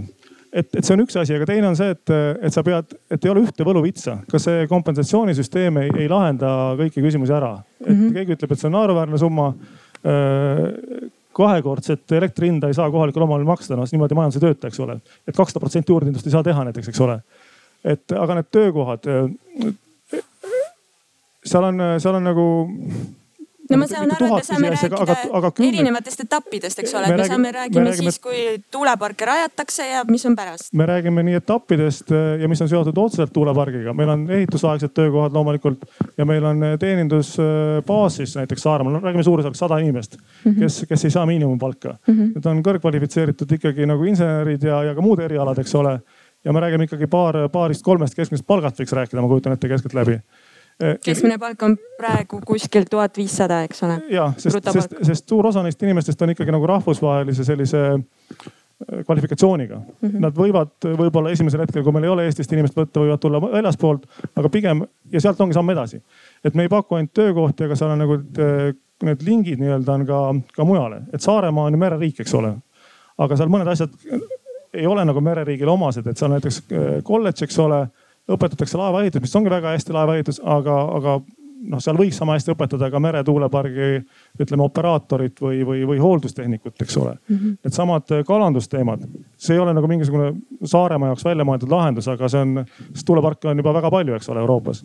et äh, suur osa kalandussektori äh, inimesi on, on üle läinud, äh, üle tulnud oma kogemusega avamere ja tuulenergeetikasse. seal on laeva juhtimist, eks ole, sa sõidad laevaga mitte traali järgi, aga sa viid inimesi tuulikuid hooldama mm. -hmm. sadamad saavad rohkem tööd, et meil täna on ikkagi sadamad, mis on näiteks ainult kalasadamad ja seal noh, selles mõttes, et seda käivet nii-öelda või, või seda aktiivsust, mitte rahanduslikku käivet on vähe, et mm -hmm. neid on raske ülal pidada. ja kui sa saad sellesse vähese aktiivsusega, vähese, vähese energiaga kohta panna lisafunktsiooni juurde, siis ka see sadam saab nagu uut, uut hingamist nii-öelda noh, täpselt haridus, äh, sadamad, äh, otsesed töökohad. Äh, mõnikord tehakse seminari, tellitakse võileibu, eks ole, kohalikust kohvikust, et seal on, seal on kümneid asju, mis, mis seda kohalikku eluolu ja, ja töökohti tekitavad -hmm.. okei need, need sada otsest töökohta, mis oleks Saaremaa meretuulepargi rajamisega seotud, et neist me räägime aastaks kakskümmend, kolmkümmend? no. kakskümmend kaheksa? meie oleme rääkinud, et me, kui kõik läheb jube hästi siis aastal kaks tuhat kakskümmend kaheksa, esimesel jaanuaril me saadaksime elektrit võrku. see on ülioptimistlik, aga siiski veel realistlik plaan. alati, kui me jääme veel näppe pöidlad veeretama ja arutama igal pool, siis noh, siis aastad kuluvad väga kiiresti. ehk nagu oli juttu, et kaheksa aastat on aastani kaks tuhat kolmkümmend. Mhm. see, see tegelikult, see, see kulub väga kiiresti, et kõik need ettevalmistumised ja, ja mitmemiljardilised projektid ei sünni nädalaga ega kuuga mm. -hmm. Aavo ja siis äh, Argo. ja ma tahtsin lihtsalt äh, täpsustada, et mul alles hiljuti jäigi näppu üks äh, Wind Europe'i aruanne mm -hmm. sellest, et palju mere, mitte mere, vaid üldse tuulepargid, nii maismaa kui meretuulepargid siis töökohti loovad. ja, ja, ja peast nüüd numbreid siit mm, pildudes, et näiteks oli toodud, et üks gigavatt võimsust, noh, see on umbes, ongi samas suurusjärgus nagu on Guido arendus ja meil on ju mm. -hmm. et kokku otsesed ja kaudsed töökohad oli üksteist tuhat okei okay,, sinna sisse ja see jagunes umbes pooleks, otsesed ja kaudsed. üksteist tuhat. üksteist tuhat, aga sinna, oota, kohe ma jõuan sinna, et, et, et sinna sisse läks ka ütleme need, see oli võetud läbi terve selle väärtusahela, et sinna läks ikka need töökohad, mis olid tuulikute tootmisega seotud mm. -hmm. see okay. suurusjärk oli seal umbes kolm, kolm pool, kolm pool tuhat aga, aga, aga see maha võttes ja lõpuks siis see osa, mis jäi pärast opereerimisse, oligi seal välja toodud, et oli vahemikus seal kakssada kuni kolm, kolmsada inimest mm, -hmm. et mhm. olid otsesed, pluss veel kaudsed töökohad, majutus ja kõik muu sinna juurde mm. -hmm. nii et, et tegelikult on tegemist päris märkimisväärse töökohtade loojaga, üks selline looja, loojaga üks selline ühe gigavatine park mm. -hmm. nii mina tooksin nüüd äh, sadamad sisse mm. -hmm et tegelikult. ma tahtsin oli... just küsida, et kuidas siuksed plaanid tunduvad? no ma toon teile siin, siin on väikesed, kuidas öeldakse, põrkumised. nii, millis, milles need seisnevad? mina olen äh, sadamapidaja, olen sadamat äh, üles ehitanud ja teinud ja ütleme niimoodi, et selleks, et äh, sadamad areneksid me nägime vaeva, see Liivi lahe kalanduskogu on selleks ellu kutsutudki, et ümber selle Pärnu lahe, Liivi lahe basseini tekiksid sadamad, mis tegelevad rannapüügiga Mm -hmm. me taotlesime rahasid, me kirjutasime rakenduskavas kõiki asju selle jaoks, et rääkida, et meil on arenevad sadamad, mis hakkab, mida paremaks sadamad saavad, seda rohkem kalurid saavad käia mm -hmm. mere peal, et kala püüda, mitte mingisugust turismi teha. me ei ole turismisadamad, me oleme rannapüügid, me tegeleme kalapüügiga. siin tekivad erinevad erimeelsused sellega, et kui me investeerime sadamatesse Euroopa raha me oleme taotlenud neid, me saame väga hea protsendiga sadamatesse, noh, seal on erinevad need meetmed, aga sellegipoolest mm, -hmm. siis tähendab seda, et meil on kohustus Euroopa Liidu ees mm. -hmm. me peame vähemalt viis aastat või sadamate puhul oli see alguses küll rohkem, me peame seda tegevust jätkama. me peame seda, mis me oleme ette kirjutanud, mis me oleme neile ette nii-öelda näidanud või mm -hmm. mõelnud, et seda peame ka ellu viima mm. -hmm. aga, aga kas see välistab muud tegevused? Ei no kui me, kui me hakkame nüüd töökohti kaotama, rannakalurid kaovad ära, hakkavad ainult turiste vedama, siis see ei lähe enam sellega kokku. aga no ma saan aru, et arendajad lubavad, et nad arvestavad kalauuringutega ka. meil on kohustus Euroopa Liidu ees. ma kui tohib, siis ma segan kohe vahele, et, et midagi ei võeta kelleltki ära, et see on väga hea, kui sadamas on nagu mitu funktsiooni, eks ole. kui mingisugune Brüsseli noot ei luba nagu kala sada, raha sadamale, millele on antud kalaraha tulla sisse mingil muul asjal, siis ongi see bürokraatlik äh, nonsense, eks ole. sest põhimõtteliselt ikkagi multifunktsionaalsus on oluline, eriti väikestes kohtades, kus seda energiat inimesi niikuinii napib ma mõtlen inimenergiat mm. -hmm. et, et see multifunktsionaalsus on see, on see võti ja, ja noh, kui on see oht, et, et, et mõni kalur ei taha enam kalur olla, vaid läheb kõrgema palga peale meretuulepargi eh, laevakapteniks, siis ma ei tea, kas see ongi väga halb. Jaanus. ja ma tahtsin võib, võib-olla jah, siin me teeme Brüsselile liialt liiga, et ma, ma ei usu, et, et keegi on keelanud ära, et, et muid funktsioone, et, et võib-olla tuua märksõnana juurde nagu hooajalisus, et ilmselt selline rannakalapüük, mina suur kalamees ei ole, aga ilmselt terve aasta läbi seda ei tehta, et aga meretuulepargi hooldus on aasta läbi, et tõenäoliselt seda isegi noh, isegi seda potentsiaalset konflikti, et äkki nad korraga kõik need laevad tahavad või, või tahavad saada sadamasse ja, ja, ja hakkavad üksteist segama, et ilmselt seda ka ei ole, et ilmselt see on kuidagi ära jaotunud, et. et nagu ma, ma ei suuda küll ühtegi halba asja selles leida, kui tekiks täiendavaid funktsioone sadamatel, et aga jällegi see on kohaliku kogukonna otsus, et võib-olla see ei, ei ole juurde vaja midagi. ei olegi selle vastu tegelikult midagi, aga lihtsalt äh, rannasadamate uuendamine ongi selle eesmärgiga tehtud, et säilitada või siis juurde saada vähemalt uusi äh, kalureid ja töökohti säilitada või juurde saada mm. -hmm. aga mitte neid nii-öelda nagu siis äh, ära anda kuskile mujale, aga noh, kui ta elu selline läheb, ega midagi teha ei ole. ja ma ikkagi tahan öelda, et, et rannakalapüük ei, ei ole küll kuskil tuvastatud, et see peaks ära kaduma või sellel mingid mõjud on ja, ja enne tõid ka välja, et, et see eh, noh, selline räimede eh, rändeteede või, või muud uuringud on, on veel vajab veel täpsustamist, et seda tehaksegi selle meretuulepargi keskkonnamõjude hindamise käigus, et kui seal ikkagi nagu selguvad olulised negatiivsed mõjud, mida ei ole võimalik leevendada, siis noh, seda hoonestustuba ju ei tule, et, et siin võivad arendajad nagu ilmselt üle kinnitada või, või ümber lükata, aga, aga noh, et need uuringud ka ju tehakse, et, et jätkuvalt, et kui seda traalpüük isegi saab mõjutatud, et, et seal nagu kohapeal füüsiliselt ei saa püüda, et kui seal tuulepark on, ma olen aru saanud, et see kilomeetrine vahe ikkagi ei ole piisav traalpüügi jaoks tuulikutel, tuulikud ei ole väga järjest seal. et, et, et, et siis see noh, kvoot ilmselt liigub ju ranna poole, et võib-olla tekib hoopis rohkem neid siin on üks äh, väga suur erinevus ka, kui traalpüük on aktiivne püük, tähendab seda, et traalid ajavad kala taga ehk siis nemad võivad ajada ümber tuulikute taga või enne tuulikuid või peale tuulikuid. aga rannapüük on passiivne püük. Ehk tähendab seda, et eh, passiivne püük tähendab seda, et püünised pannakse vette ja oodatakse, kus reim sinna tuleb. me meelitame neid, mitte ei aja neid taga -hmm.. okei aga liigume kalandusest eh, laiemalt teiste töökohtade juurde ka, et eh, Karel, kuidas teile see plaan äh, kuidas te näete seda plaani, mis siin välja toodi, et kui palju töökohti tuuleparkide rajamine loob? nii selle ettevalmistamise kui ka nagu hilisema hoolduse ajal?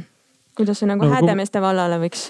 Kui me tuleme selle juurde, et oletame, et lõpuks jõutakse sinnani erinevate kokkulepetega, et seda tuuleparki hakatakse sinna ehitama mm, -hmm. siis tegelikkuses on juttu olnud nendest erinevatest sadamatest, kus ehitus võiks olla mm, -hmm. siis kahjuks ei ole juttu ka väga palju mitte Pärnu sadamast mm, -hmm. ammugi siis mitte Võiste või Jaagupi, mis meie territooriumil no, on. no praegu mitte... Eestis on ainult Paldiski sadam, millest on juttu. no just, et, et, et kui palju see nagu kohalikku piirkonda meile sellest kasu ehitusprotsessi käigus on, on nagu üsna küsitav ja noh, meie kohalikud no, kaks sadamat on ka väga madalad, et sealt käia hiljem hooldust tegemas on ka keeruline, aga mul on hea meel näha siin äh, Pärnu kolledži juhti, kes, äh, kellega me oleme ühises komisjonis ja, ja me oleme tegelikult Pärnumaal päris palju arutanud ruumilist strateegilist planeerimise komisjonis sellest, et, äh, et kui liita kokku mõned haridusasutused Pärnumaal, aga teiseks oleme arutanud palju seda, et omajagu, et kui need tuulikud siia tulevad, et tegelikult me vajame Pärnumaal meil on väga korralik kutseharidus mm, -hmm. aga ülikooli osas, mis on siis Tartu alluvusega, napib erialasid ja napib just erialasid, kus on äh, peale kooli lõpetamist võimalik saada kõrgemat palka mm. -hmm. ja see oleks üks pääsetee võib-olla tervele Pärnu piirkonnale, kui, kui riiklikult siinsamas selles pakis oleks kirjutatud otsesõnu. Äh, näiteks, et Pärnus luuakse äh, hoolduse jaoks ja arenduste jaoks nii kutseharidusse vähemalt üks eriala tehniliste pooltega kui ka kolledžisse kuni päris sinna magistri või doktoriõppeni välja, et. et riiklik koolitustellimus tuleks siis otseselt. just mm, -hmm. et see oleks võib-olla maakonna jaoks selline noh, kui me jätame kõrvale erinevad sellised toetussummad, need kõrvale jätame, siis ilmselt see võiks olla nagu kõige kõvem äh, saavutus või, või võimalus maakonna jaoks, kus, kui ma, peale ülikoolist möödas on kakskümmend aastat või, et äh, toona oli kinnisvaraturg Tartust veidi kõrgem mm, -hmm. keskmine palk oli veidi kõrgem.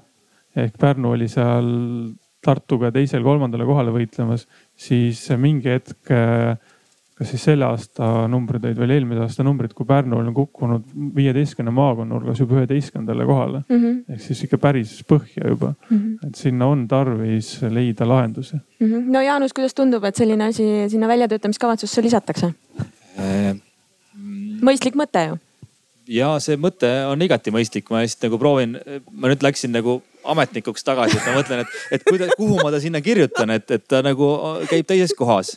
et, et, et seda saab ju, noh, siin on mitu varianti, et siin on näiteks, et kohalik omavalitsus näiteks kaasfinantseerib või finantseerib seda oma sellest eh, tulubaasist, mis ta saab juurde. on, on variant, on variant, et riik teeb täiendava riikliku kooli, koolitustellimuse, mis, mis on väga tõenäoline, kui need, kui need meretuulepargid hakkavad tulema. aga noh, täna on nagu keeruline, sest et see kohalikud on ka vastu, kohalik omavalitsus on ka vastu, et siis võiks nagu selle vastasseisu juurde kirjutada, et aga kui oleks need asjad lahendatud, siis, siis me ei oleks vastu, sest muidu nagu hakata riiklikku koolitustellimust muutma, teades, et, et, et kõik on vastu, on, on väga keeruline, et, et riik, riik iga aasta ju raha annab ülikoolidele, et, et ka energeetikuid koolitada, miks, miks mitte nagu mingi suunitlus juurde panna, et aga noh, siin on see kohaliku omavalitsuse või siis kohaliku, kohalike omavalitsuste mm, noh, selline soov ja võib-olla ka omapoolne lisapanus oleks ju, oleks ju variant ja selleks, selleks seda raha ju saab kasutada, et siin ei ole ju öeldud, et, et see eh, raha, mis laekub meretuuleparkidest kohalikele omavalitsustele, peab minema konkreetsesse kohta, et see on ju KOV-i enda valik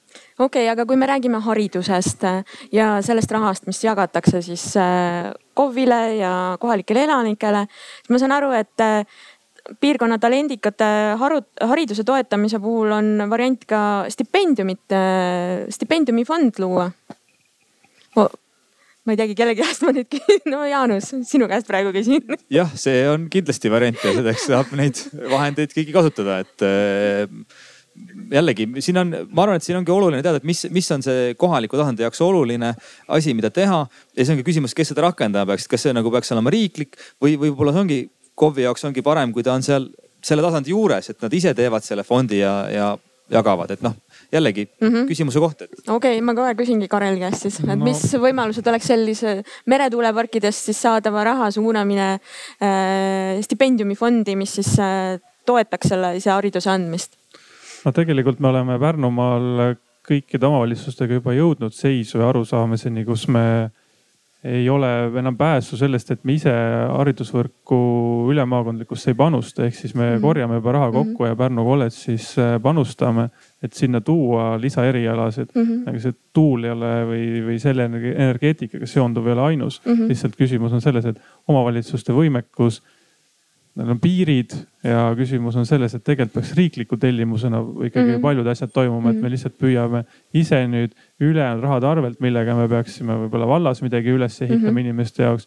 püüame maakonnakeskust ja seda tugevdada, et meil tuua mujalt maakondadest inimesi siia õppima ja ka meie oma inimesi õpetada erialasid, kus nad saaksid panustada sellises valdkondades või tööle minna või ise hakata tegema, kus on kõrgem lisandväärtus mm. -hmm. ja Guido no ma siin hariduse osas ütlen, et me oleme samamoodi rääkinud ikkagi algusest peale juba nii, nii Kuressaares kolledžiga kui ka Tallinnas siis eh, Mereakadeemiaga. ja noh, mõnes mõttes tuleb välja see muna ja kana teema, eks ole mm. -hmm noh, täna ütelda noortele inimestele, et minge õppige meretuulepargi eh, hooldustehnikuks, see on hea palk, loomulikult. lähim töökoht on, on Rootsis, siis on Taanis, siis on Saksamaal mm -hmm. ja UK-s, eks ole noh. et see oleks nagu inimeste noh, see oleks veel aus jutt, eks ole mm. -hmm. et Eestis seda veel ei ole, et ennem peaks ikkagi olema nagu, nagu meil see noh kus me Eestis tööle saame minna et, et ma nagu selle taha arvan, et selle taha asi ei jää, et, et õppeasutused ei hakkaks äh, koolitama mm. -hmm. ja need koolitusrahad on ka ju põhimõtteliselt olemas. Noh, jätad ühe eriala tegemata, teed teise eriala, pigem on ju neid äh, noori inimesi, kes on nii kutsekoolis kui, kui ülikoolis, neid paraku iibe tõttu jääb nagu vähemaks, eks ole mm. -hmm. ja, ja siit edasi see stipendiumi teema. et ma arvan, et et kui on tuulepark, siis loomulikult on, on häid inimesi pigem vähe kui palju. Ja häid inimesi noh otsitakse juba, juba, juba nende nooruspõlves, eks ole mm. -hmm. ja neid on võimalik ka toetada ka stipendiumiga no,. et ma arvan, et, et nii-öelda Saare meretuulepargi stipendium äh, inseneeria erialal võiks olla täiesti äh, aastal kaks tuhat kolmkümmend üks reaalsus mm. -hmm. Aavo ja mul on, mul on hea kuulda, mida Karel siin kõrval ütles, et alles hiljuti meil oligi, tähendab tuuleenergia assotsiatsioon korraldaski siis tegelikult ühe infopäeva kus, kuhu oli siis kutsutud valdkonna, valdkonna ettevõtted pluss siis ka haridusasutuse esinda, esindajad.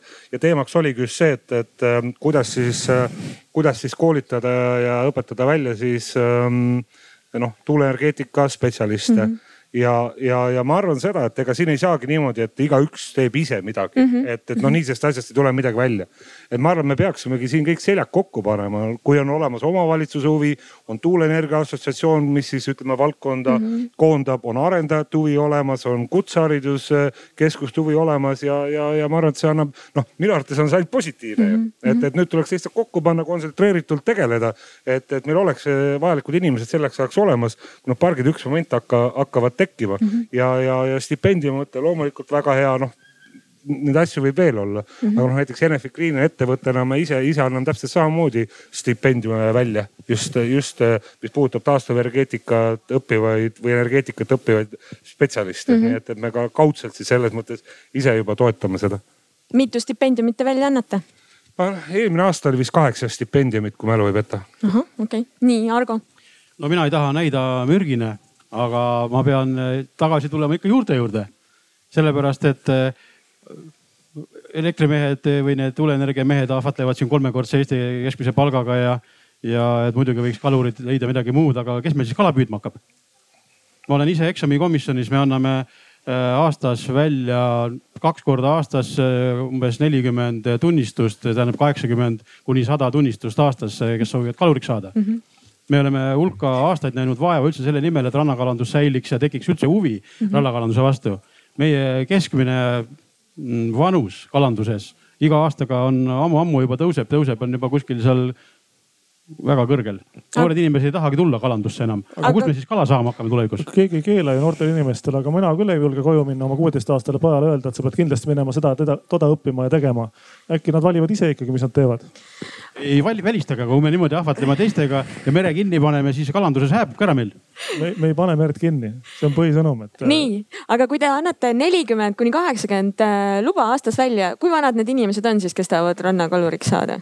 No on ka noori, aga on ka selliseid äh, vanemaid inimesi, kes on siiamaani proovinud äh, kellegi teisega kõrvuti käia, kes ise luba ei oma mm. -hmm. ja nüüd on aeg siis see nagu seadustada ja on tõesti, seal on kahekümnest, kaheksateistkümnest kuni kuuekümneni mm -hmm. välja okei okay,, nii et see vanus on äh, erinev ja seal ei saa päris öelda, et on just nagu vanem kontingent, et tegelikult on ka noori, kes. ei, nooremaid tuleb peale küll praegu. aga kuhu neid püüdma panna, see on ju väga keeruline nii, aga räägime ühest olulisest aspektist veel, mida kogukondadel võiks olla võita tuulepargi lähedusest ja, ja see on odavam kohapeal toodetud elekter Äh, kuidas see täpselt äh, välja võiks näha, Guido? Seda ideed on arutatud jah, et, et kohapealne odav elekter, aga ma arvan, et see on mingis mõttes jällegi muutunud, et korra ma mainisin, et Eesti on, eks ole, elektrit importiv riik mm -hmm. täna juba. tegelikult küsimus ei ole selles, et, et, et kas saada elektrit odavalt või mitte, aga ma arvan, et meil on, tekib momente, kus on, oleks hea üldse elektrit saada. ja, et kus meil ei ole üldse elektrit. me oleme täna nagu ikkagi natuke nagu okei okay,, ühendused on väga head, eks ole. varustuskindlus on suurepärane siis kui teistel on ka elektrit piisavalt ja nad saavad seda meile saata, eks ole. on, on, on. aga, aga ma arvan, et eh, kui täna keegi tahab Saaremaal näiteks teha mingit tarbimist viiskümmend megavatti näiteks, siis seda võimsust ei ole võimalik saada mm. -hmm. Saaremaal nagu muidugi, sa võid teha uue kohviku ja, ja kõik asjad on okei okay,, on ju, see ongi väga tore ja Saaremaa on jube hästi näiteks kõik. aga, aga tõsiseltvõetava tarbimismahuga tootmist uut teha ei saa. suurt tööstust või siis mingit infotehnoloogilist. ja, ja, ja ka olemasolevate asjadega on see, see keerukus, et kuna me oleme selles noh, näiteks Saaremaa näitel nagu tupik otsas, siis seda noh, see elekter jõuab sinna viimasena, kui kõik on, kõik on juba oma vajaduse ära võtnud, eks ole, piltlikult mm -hmm. öeldes. Mhm. et küsimus ei ole selles, et elektrit odavalt saada, vaid elektrit saada kindla peale ja mõistliku hinnaga mm. -hmm. et äh, ma arvan, et see nagu odavalt asjade andmine noh, seda tehakse ja poliitikud ka seda armastavad, aga no mina oleks nõus bussipileti eest maksma. Samamoodi elektri eest ja, ja noh, odavad asjad ja tasuta asjad ei ole tasuta selles mõttes. et makstakse ka teistmoodi kinni ikkagi ju mm. -hmm.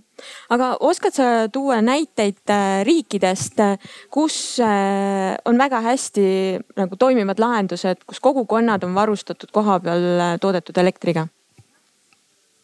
No neid näiteid on selles mõttes erinevad, et eks noh, sama Taani, eks ole, kes alustas ka oluliselt varem meist mm -hmm. ja seal on see kogukondlik lähenemine üldse, et seal ongi ju neid äh, kogukonnale kuuluvaid äh, tuuleparke ja. energiaühistuid. energiaühistuid mm -hmm. ja noh, kuidas iganes seda on ehitatud üles. aga, aga see nõuab ka, nõudis varast starti ja, ja sinna on investeeritud nii-öelda nii, nii energiat mm -hmm. kui, kui raha juba aastakümneid, eks ole mm. -hmm et äh, võimalik, et Eestis meil ei ole ka neid, äh, ütleme rahalise investeerimise võimekust nii palju nagu enamus inimestel, eks ole mm -hmm.. võib-olla meil on kakskümmend protsenti inimestest, kes, kes äh, nagu rahaliselt sooviksid panustada näiteks investeeringuna. et, et, et see on üks, üks võimalus ja üks asi, mis kindlasti võiks olla, aga see ei lahenda, lahenda kõiki asju ära mm, -hmm. et kuidas osaleda noh, nii-öelda investorina osanikuna, osanikuna ja saada siis tagasi seda, seda, seda tasuta elektrit näiteks mm. -hmm. Karel et äh, me võib-olla jõuame uuesti sinnasamasse tagasi, nagu ma ennem ütlesin, et riik ei ole nagu härjal sarvist haaranud ja ei vea seda eest, et tegelikkuses äh, see näitabki ju seda, et me oleme hulk aastaid või aastakümneid ajanud seda teemat, et me ei ole mitte kuskile jõudnud ja nüüd täna oleme Eestis äh, energia importijad ja mitte eksportijad või vähemalt me ei saa iseendaga hakkama. aga need hiljutised numbrid, mis näidati, siis kui ma ei eksi, Eestis kasutatakse elektrit kaheksa teravatti aastas. teravatt-tundi. teravatt-tundi aastas mm -hmm. ja kogu energiatarve on kolmekümne juures. ehk siis ja täna on taastuvenergia vist kahe juures kuskil. aga nüüd, kui me räägime nendest samadest meretuuleparkidest, mida teha tahetakse, igale poole igaüks kuskile püüab midagi panna, siis tegelikult need mahud on äh, kuskil kolmekümne juures või. ehk siis äh, tegelikkuses Eesti noh, ütleme, kui nad ei olegi kolmkümmend, siis nad on väiksemad veidi, aga igal juhul üle kaheksa, ehk siis tegelikkuses Eesti plaan või arendajate plaan või keegi ei teagi, kelle plaan siis on no,, püüab on... hakata eksportijaks või? no aga mis see halb on? ei, selles ei olegi halba, lihtsalt okay, küsimus ongi selles, et kuidas see hüvitatakse kohalikele kogukondadele kelle arvelt väga hea. nii, Jaanus Kuido. jah, siin on nii palju asju, mida adresseerida, tegelikult me oleme rääkinud ka sellest, aga, aga, aga, aga jah alustame sellest, ei ole meie varustuskindlus kehvake midagi, ei ole riik maganud. selleks me need välisühendused oleme teinud, Estlink üks ja kaks ei kukkunud taevast alla lihtsalt niisama, et, et oleme kaasanud Euroopa Liidu rahastust sadu miljoneid piirkonnas parim, oleme tipud tõesti, et, et kaasrahastada meie, meie võrkude arengut. et jah, tõesti läheb aega, et igale poole jõuda, aga, aga, aga noh, käia mujal, siis, siis meil, meil on see läbi mõeldud. et, et nii ta on, et meil see põlevkivielekter, mida me eksportisime aastaid, ilma et keegi oleks kurtnud, eh, on nüüd CO2 hinna tõttu ei ole konkurentsivõimeline ja, ja seda on meil vähem umbes, umbes kolmkümmend protsenti tarbimisest mm, -hmm. varem me eksportisime. Eh, noh, niimoodi on ja siis on ülejäänud import, mis, mis taastuvast üle, taastuvaid on kakskümmend viis protsenti umbes sellel poolaastal on olnud, ehk siis noh, nelikümmend protsenti umbes, umbes impordime need protsendid tulevad kuidagi kokku, ma ütlesin natuke valesti. et eh, nelikümmend protsenti importisime, see on okei okay., meil on, meil on täna see võimekus importida olemas, meil on veel suurem võimekus importida. aga see võiks ju olla, et me ei impordi midagi, me ekspordime, toome seda raha mm -hmm. väljaspoolt meile, see on ju, me ju ka ekspordime vilja eh,. ilmselt ka kala läheb ekspordiks, ma ei, ma ei usu, et me ainult enda jaoks püüame, võib-olla püüame Eh, et noh, see on see majandus, me olemegi Euroopa Liidus, turumajandus töötab, see, kes, see, kellel on mõistlikud tingimused tootmiseks, toodab ja, ja ekspordib, et. Eh, ja see ongi see meie plaan olnud, et, et me loome sellise keskkonna, et meile tuleks elektri tootmine, aga me seda nui neljaks ei ole taga ajanud. et meil on need ühendused olemas, need võivad mhm. töötada mõlemat pidi. me tahame ka teistpidi tarbijatele parimat hinda, et, et kui me ikkagi peaksime nagu maksma hingehinda selle eest, et, et, et ainult tootmist siin hoida, samal ajal kui varustuskindlus muud moodi tagatud, siis see ei oleks ju ka õige mm. -hmm. et ikkagi see plaan on, on meil olemas ja, ja sellega me töötame mm. -hmm. ma mõtlen, kas oli veel midagi? väga hea, anname Guidole vahepeal sõna. Jaanus, ma ei kritiseerinud kogu aeg üldse, et asjad ei ole üldse nii halvasti. et eh, ma arvan ka, et me oleme, Eesti on jäänud siis eh, loodame, et väga lühikeseks hetkeks mm -hmm. importivaks riigiks. meil on pikaajaline ekspordikogemus ja meil peaks seda ekspordikogemust jätkama, eks ole mm. -hmm. lihtsalt tegema seda teisel viisil, põlevkivi enam ei tööta, töötab tuul. teeme selle ära et, et see on põhiasi ja, ja, ja see kliimateema on seotud ka sellega, et äh, jah, kaheksa teravatti kuni kümme teravatt-tundi aastas elektritarbimist, aga selleks, et kliimaeesmärke täita kogu Euroopas ja maailmas äh, igal pool on ikkagi elektrifitseerimine. see, mida me varem tegime puidu ja, ja põlevkivi ja millegi muuga sellisega, tuleb asendada elektriga. Ehk noh, laias laastus elektri tarbimine lähi noh, kas kümne aastaga, mida iganes, viieteist aastaga kahekordistub mm. -hmm. et me ühe kütuse asemel kasutame teist ja, ja, ja selleks ongi elektrit rohkem vaja mm. -hmm. no vähemaks ei jää see elektritarbimine mingil moel. no täpselt ja kui, kui ta ka nõus, et, et, et elektri tarbimine, tarbimine kasvab, et mis siis, et me muutume üha, üha säästlikumaks ja, ja nii edasi aga, aga küsimus ongi, kust see elekter siis tuleb, on ju mm. -hmm. ja mil, millistest allikatest see elekter toodetud on mm, -hmm. nii et nagu ma ütlesin, et see elekter peab ka olema taskukohase hinnaga, mitte, mitte nui neljaks toodetud. Ja täna tuuleenergeetika on kõige, kõige, kõige taskukohasem taskukohasema hinnaga, ma arvan, täna ja ka homme ja ülehomme. Mm -hmm okei. Okay., Argo, ma küsiks sellist asja äh, hüpoteetiliselt, et äh, mis sa arvad, mis hetkel võiks Eestis jõuda kogukondadeni, kes ise vastutavad energia tootmise eest, et kus meil ongi energiaühistud, kes on, kus on äh, kohalikud kogukonnad on äh, või tuulepargid, kus on kohalikud kogukonnad äh, osanikud, kus nad teenivad nende tuuleparkide pealt ma arvan, meie piirkonnas ma küll ei näe sellist, et meil on äh, väga palju vastaseid seal just sellesama nii-öelda merre kukkuva päikese nautimise puhul mm. -hmm. et see on tegelikult unikaalne ja ma olen alati öelnud, kui tore on vaadata, kui aknast vaadata, kuidas päike kukub mm -hmm. merre. ja seda on terve see meie kuuskümmend, mitte kõik see kuuskümmend neli kilomeetrit, ütleme seda valda, aga, aga kindlasti lõunapoolne ots on aga see, et nad saaksid seda kunagi võib-olla üldse mõtlema hakata, see peaks ikkagi tähendama seda, et oleks mingisugune mehhanism ja oleks see number ikkagi suurem mm. -hmm. näiteks ka seesama kalandus, et ega ühe-kahe aastaga ei õpi seda ümber mm. -hmm. kui inimene tõesti tunneb, et jah, see rannakalandus tema jaoks ei ole, võib-olla peaks tõesti tegelema mingi muu asjaga, võib-olla ümber õppima või midagi mm. -hmm. aga see tähendab ikkagi seda, et tal peab olema üleminekuperiood mm. -hmm. see on no kas viis aastat või, või, või kümme aastat või, või, või võib-olla ta siis mõtleb ümber mm -hmm. ja mhm. hakkab tõesti seda tegema või võtab tulevikku pikema plaani mm, -hmm. sest praegused plaanid ikkagi on ju nendel inimestel, kuidas võib-olla, kuidas paremaid püüniseid saada, kuidas sadamast paremini välja saada, et kuidas paremaid püügikohti leida ja siis nagu niimoodi mõtleb oma tuleviku peale mm. -hmm. aga et ümber õppida, selle jaoks on ka kindlasti aega vaja ja, ja mina arvan, et ikkagi noh, kogukonnas selliseid asju ma ei, üldse ma ei kujuta ette. aga kas seitsme aasta jooksul võiks midagi sellist juhtuda? Järgmine seitse aastat ongi uus programmperiood, me hakkame kohe kalasadamaid uuendama edasi tegema. okei okay., aga Karel, ma küsin sama küsimust, et äh, millal Häädemeeste vallas äh, võiksid kohalikud elanikud olla huvitatud energiaühistute loomisest, tuuleparkides osanikeks äh, hakkamisest? kas üldse on realistlik? No ilmselt on meil vallamajas äh, veidi infot rohkem, kui me volikogule võib-olla ole kõike jaganud. et tegelikult. no vot, nüüd siis tuleb nüüd siis tuleb välja. hea käia arvama. me sõidame ühe autoga koju muide. jah, sa istud kõrval vähemalt aga tegelikult energiaühistu loomisest äh, mingil määral kohalikud elanikud äh, on rääkinud mm. -hmm aga otseselt niimoodi suuremas grupis mitte, vallaga ka ei ole rääkinud. Et, aga te olete kursis sellega? me lihtsalt teame, et äh, niisuguseid vestlusringe on peetud jah. Okay. kas see õige on, äh, pigem ma arvan, et täna niikaua kui see kompensatsioonimehhanismid äh, täit selgust ei ole andnud mm. -hmm. niikaua ma ei pea väga õigeks, ma nimetaks seda pigem paralleelläbirääkimisteks, mis tähendab võib-olla seda, et mingisugune hulk inimesi siis võidab ja võib-olla kogu valla nagu valla ülesandet, mis me peame tervet valda nagu haldama, hoomama, siis äh, võivad need toetusmeetmed nagu selle võrra väiksemaks muutuda, et tegelikult võib-olla üksikindiviidid kuskil võidavad, aga kas tegelikult terve kogukonnana sellest võita on iseküsimus. et noh, nii väikses rühmas ei peaks seda läbirääkimisi või, või selliseid vestlusi pidama.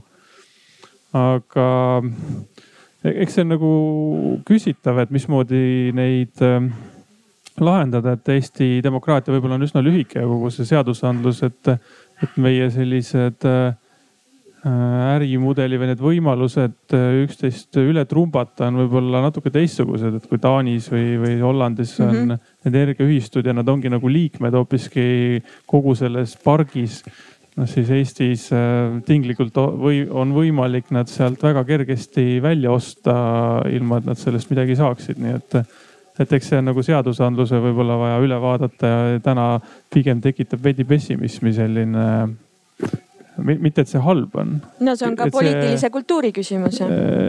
jah, jah, seda kindlasti, aga, aga nagu ma ütlesingi, et me olemegi noor demokraatia ikkagi alles mm. -hmm. Aavo?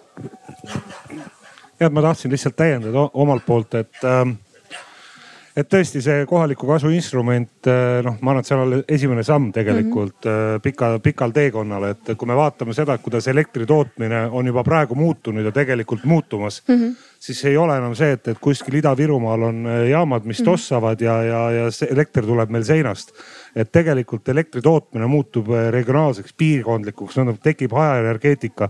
on see päikesepargid, mida te mm. kõik olete Eestis, ma arvan, juba väga, väga palju näinud, tulevad, tulevad tuulepargid, et ma arvan, me peaksime saama lahti sellest, et me nagu räägime projekt projektipõhiselt, et kuidas, kuidas me nüüd ühte projekti, kuidas me selles kokku lepime ja kuidas me teises projektis kokku lepime, et see mm -hmm. elektri tootmine tuleb meil lähemale mm -hmm. ja me peame selle ja me peame seda taluma ja me peame ka sellest kasu saama ja noh, näiteks needsamad energiaühistud, millest oli juttu, on kindlasti üks võimalus mm. -hmm. ja seesama Taani näide, mis siit korra läbi käis äh, mäletan seda, et äh, Taanis ju tegelikult, kus see tuuleenergeetika algust sai, noh, te olete näinud, Taanis ei ole nii, et, et tuulikud on viie kilomeetri kaugusel, nad on sealsamas inimeste lähedal.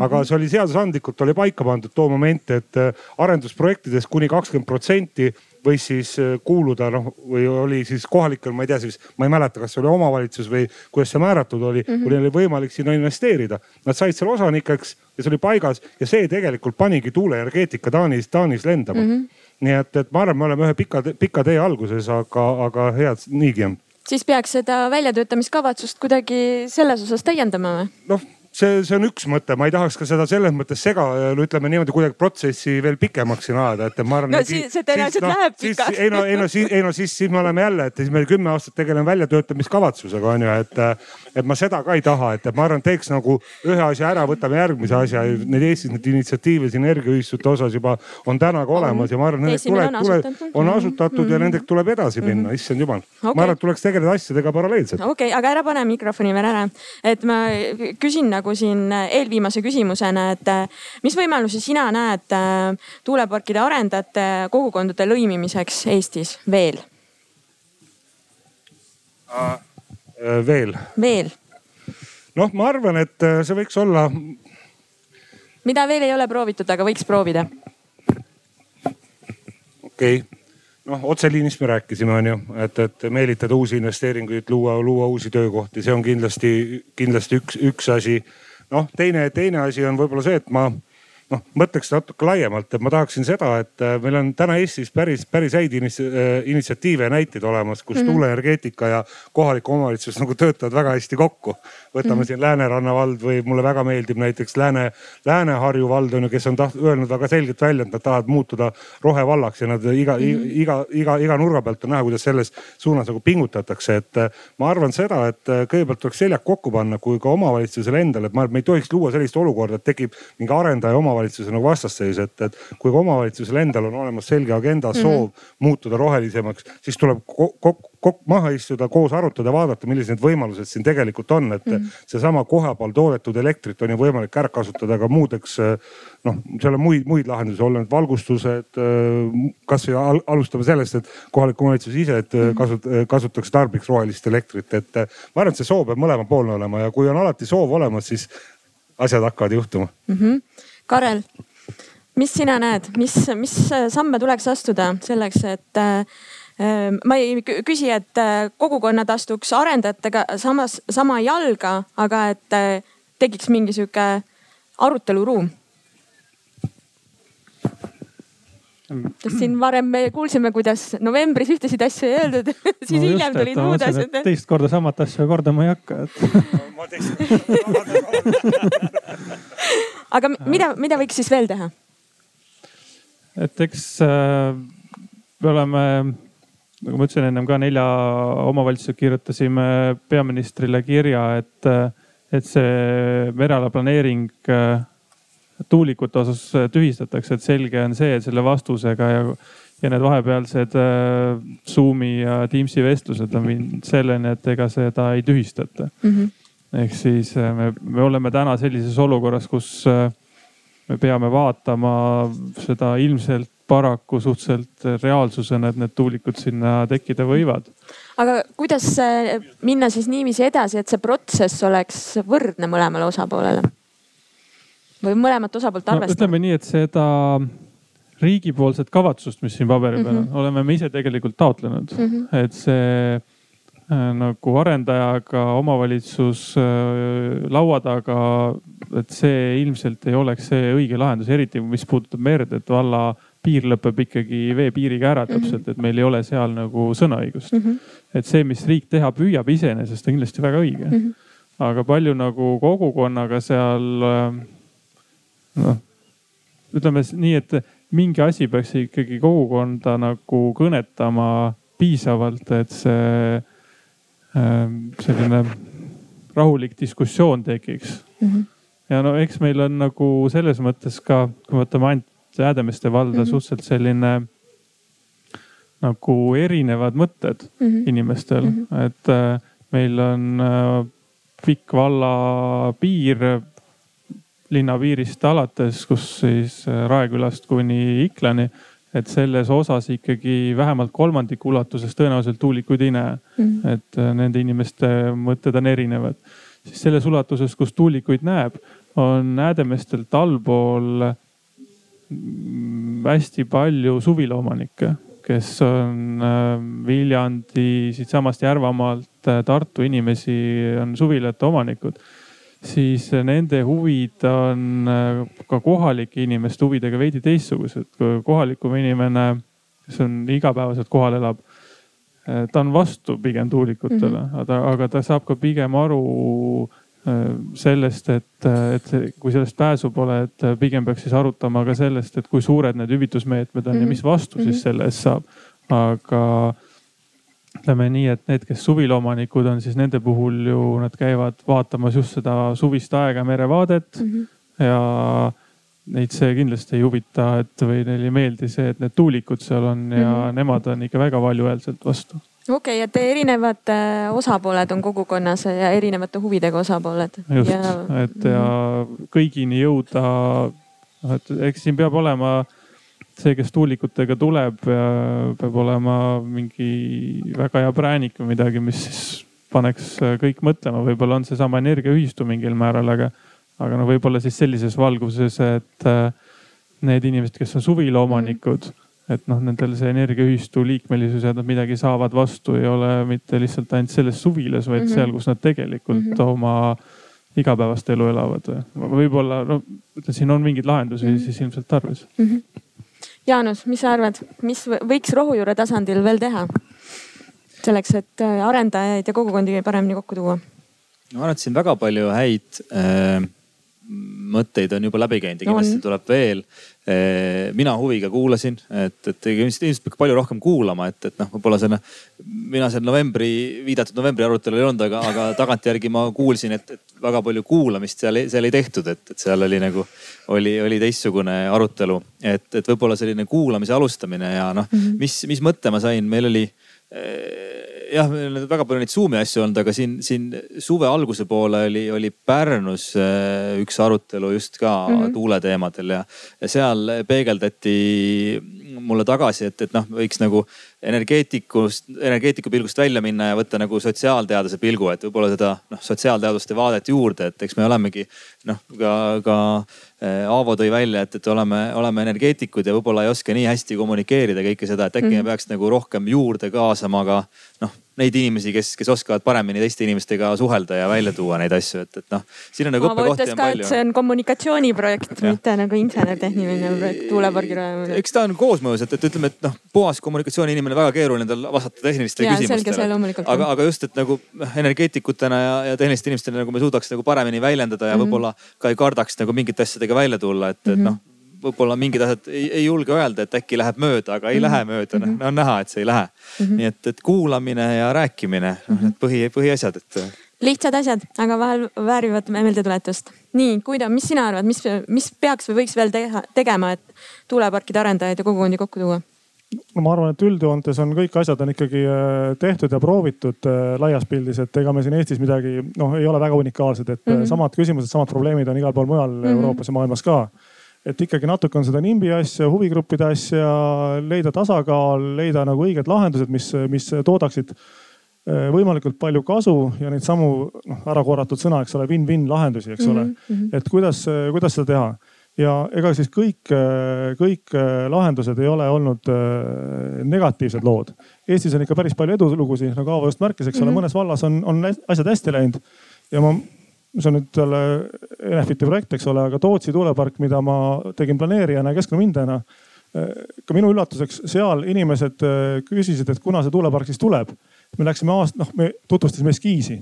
me kõik aasta, ootame aasta, seda aasta hiljem läksime, et meil on nüüd nagu eskiis number kaks, mis oli umbes samasugune. kuna see tuulepark tuleb, eks ole, et, et ei olnud nagu seda, et, et oleks kividega ära aetud, eks ole, et, et on neid edulugusid ka väga palju, mis mm -hmm. näitab, et mõnes kohas noh, tehakse nagu samu asju samamoodi, võib-olla tehakse mõni viga vähem, aga mm -hmm. kuidagi asjad õnnestuvad mm. -hmm. võib-olla lihtsalt äh, good luck või bad luck on ju mm -hmm. mõnikord mm -hmm.. okei okay,, vahel ongi asjaolud sellised. Argo, mis mõtteid sul on? no mina arvan, et kõige olulisem on ikka see ausus et tegelikult millega on alustatud juba, no kui valesti alustatud on, siis tegelikult tuleks äh, kaardid välja käia ja ära rääkida, mis siis tegelikult plaanis on mm. -hmm. nii riigil kui arendajatel koostöös, et, et see, mida me ise kõrvalt näeme, mida me kuskilt kõrvalt hammustame, vaatame, leiame kuskilt äh, muust meediast või mm, -hmm. või sellistest väljamaa kanalitest näiteks, et noh, näiteks Eesti Energia tuleb kuskilt mingi uue trassiga mööda maad. -hmm. ilmselgelt ta tahab kunagi merega kokku saada, aga seda mm -hmm. meil ju ei öelda, et me peame mhm. ise arvama seda või tuleb kuskilt siis mingisugune äh, teine arendus, et nad kõik võitlevad enda, ütleme nende platside pärast meres ja muidugi seal on väike selline konkurents, kes suudab ennem oma, oma need ellu viia ja see, mis merre tuleb, see on ju kõvasti üle Eesti tahtmise. me ei suuda kunagi seda ära kasutada, müüma nad seda hakkavad.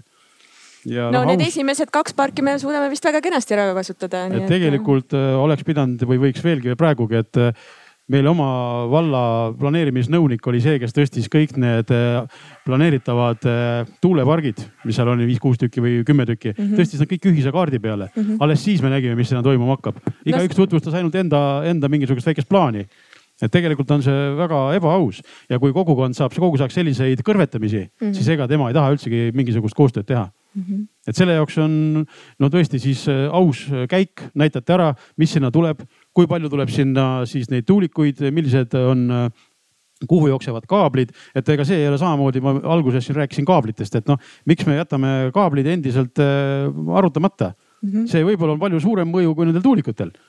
jah, no antud hetkel me keskendusime rohkem äh, kesk-, kogukondadele. kogukonna, ma just mõtlen, et ega prääniku jutt oli õige, et mhm. võib-olla on niimoodi, et äh, ongi selline lugu, et äh, kes elab seal ääres või kinnistuomanik või ma ei tea, noh päris iga kinnistuomanik või, või siis selle vallakodanik või kuidagimoodi saabki mingisuguse õiguse selle eest äh, osta mm. -hmm võib-olla tal tekib tõesti mingisugused numbrid silme ees, et kui ma nüüd seda päikeseloojangut ei näe, aga vähemalt hakkan raha saama sellest mm, -hmm. aga kui mul on seda raha juba niigi piisavalt mm, -hmm. miks ma pean siis enne kõik ära rikkuma mm? -hmm et siin on, kogukond on väga raske veenda, selle jaoks peab olema mingi ühtsus.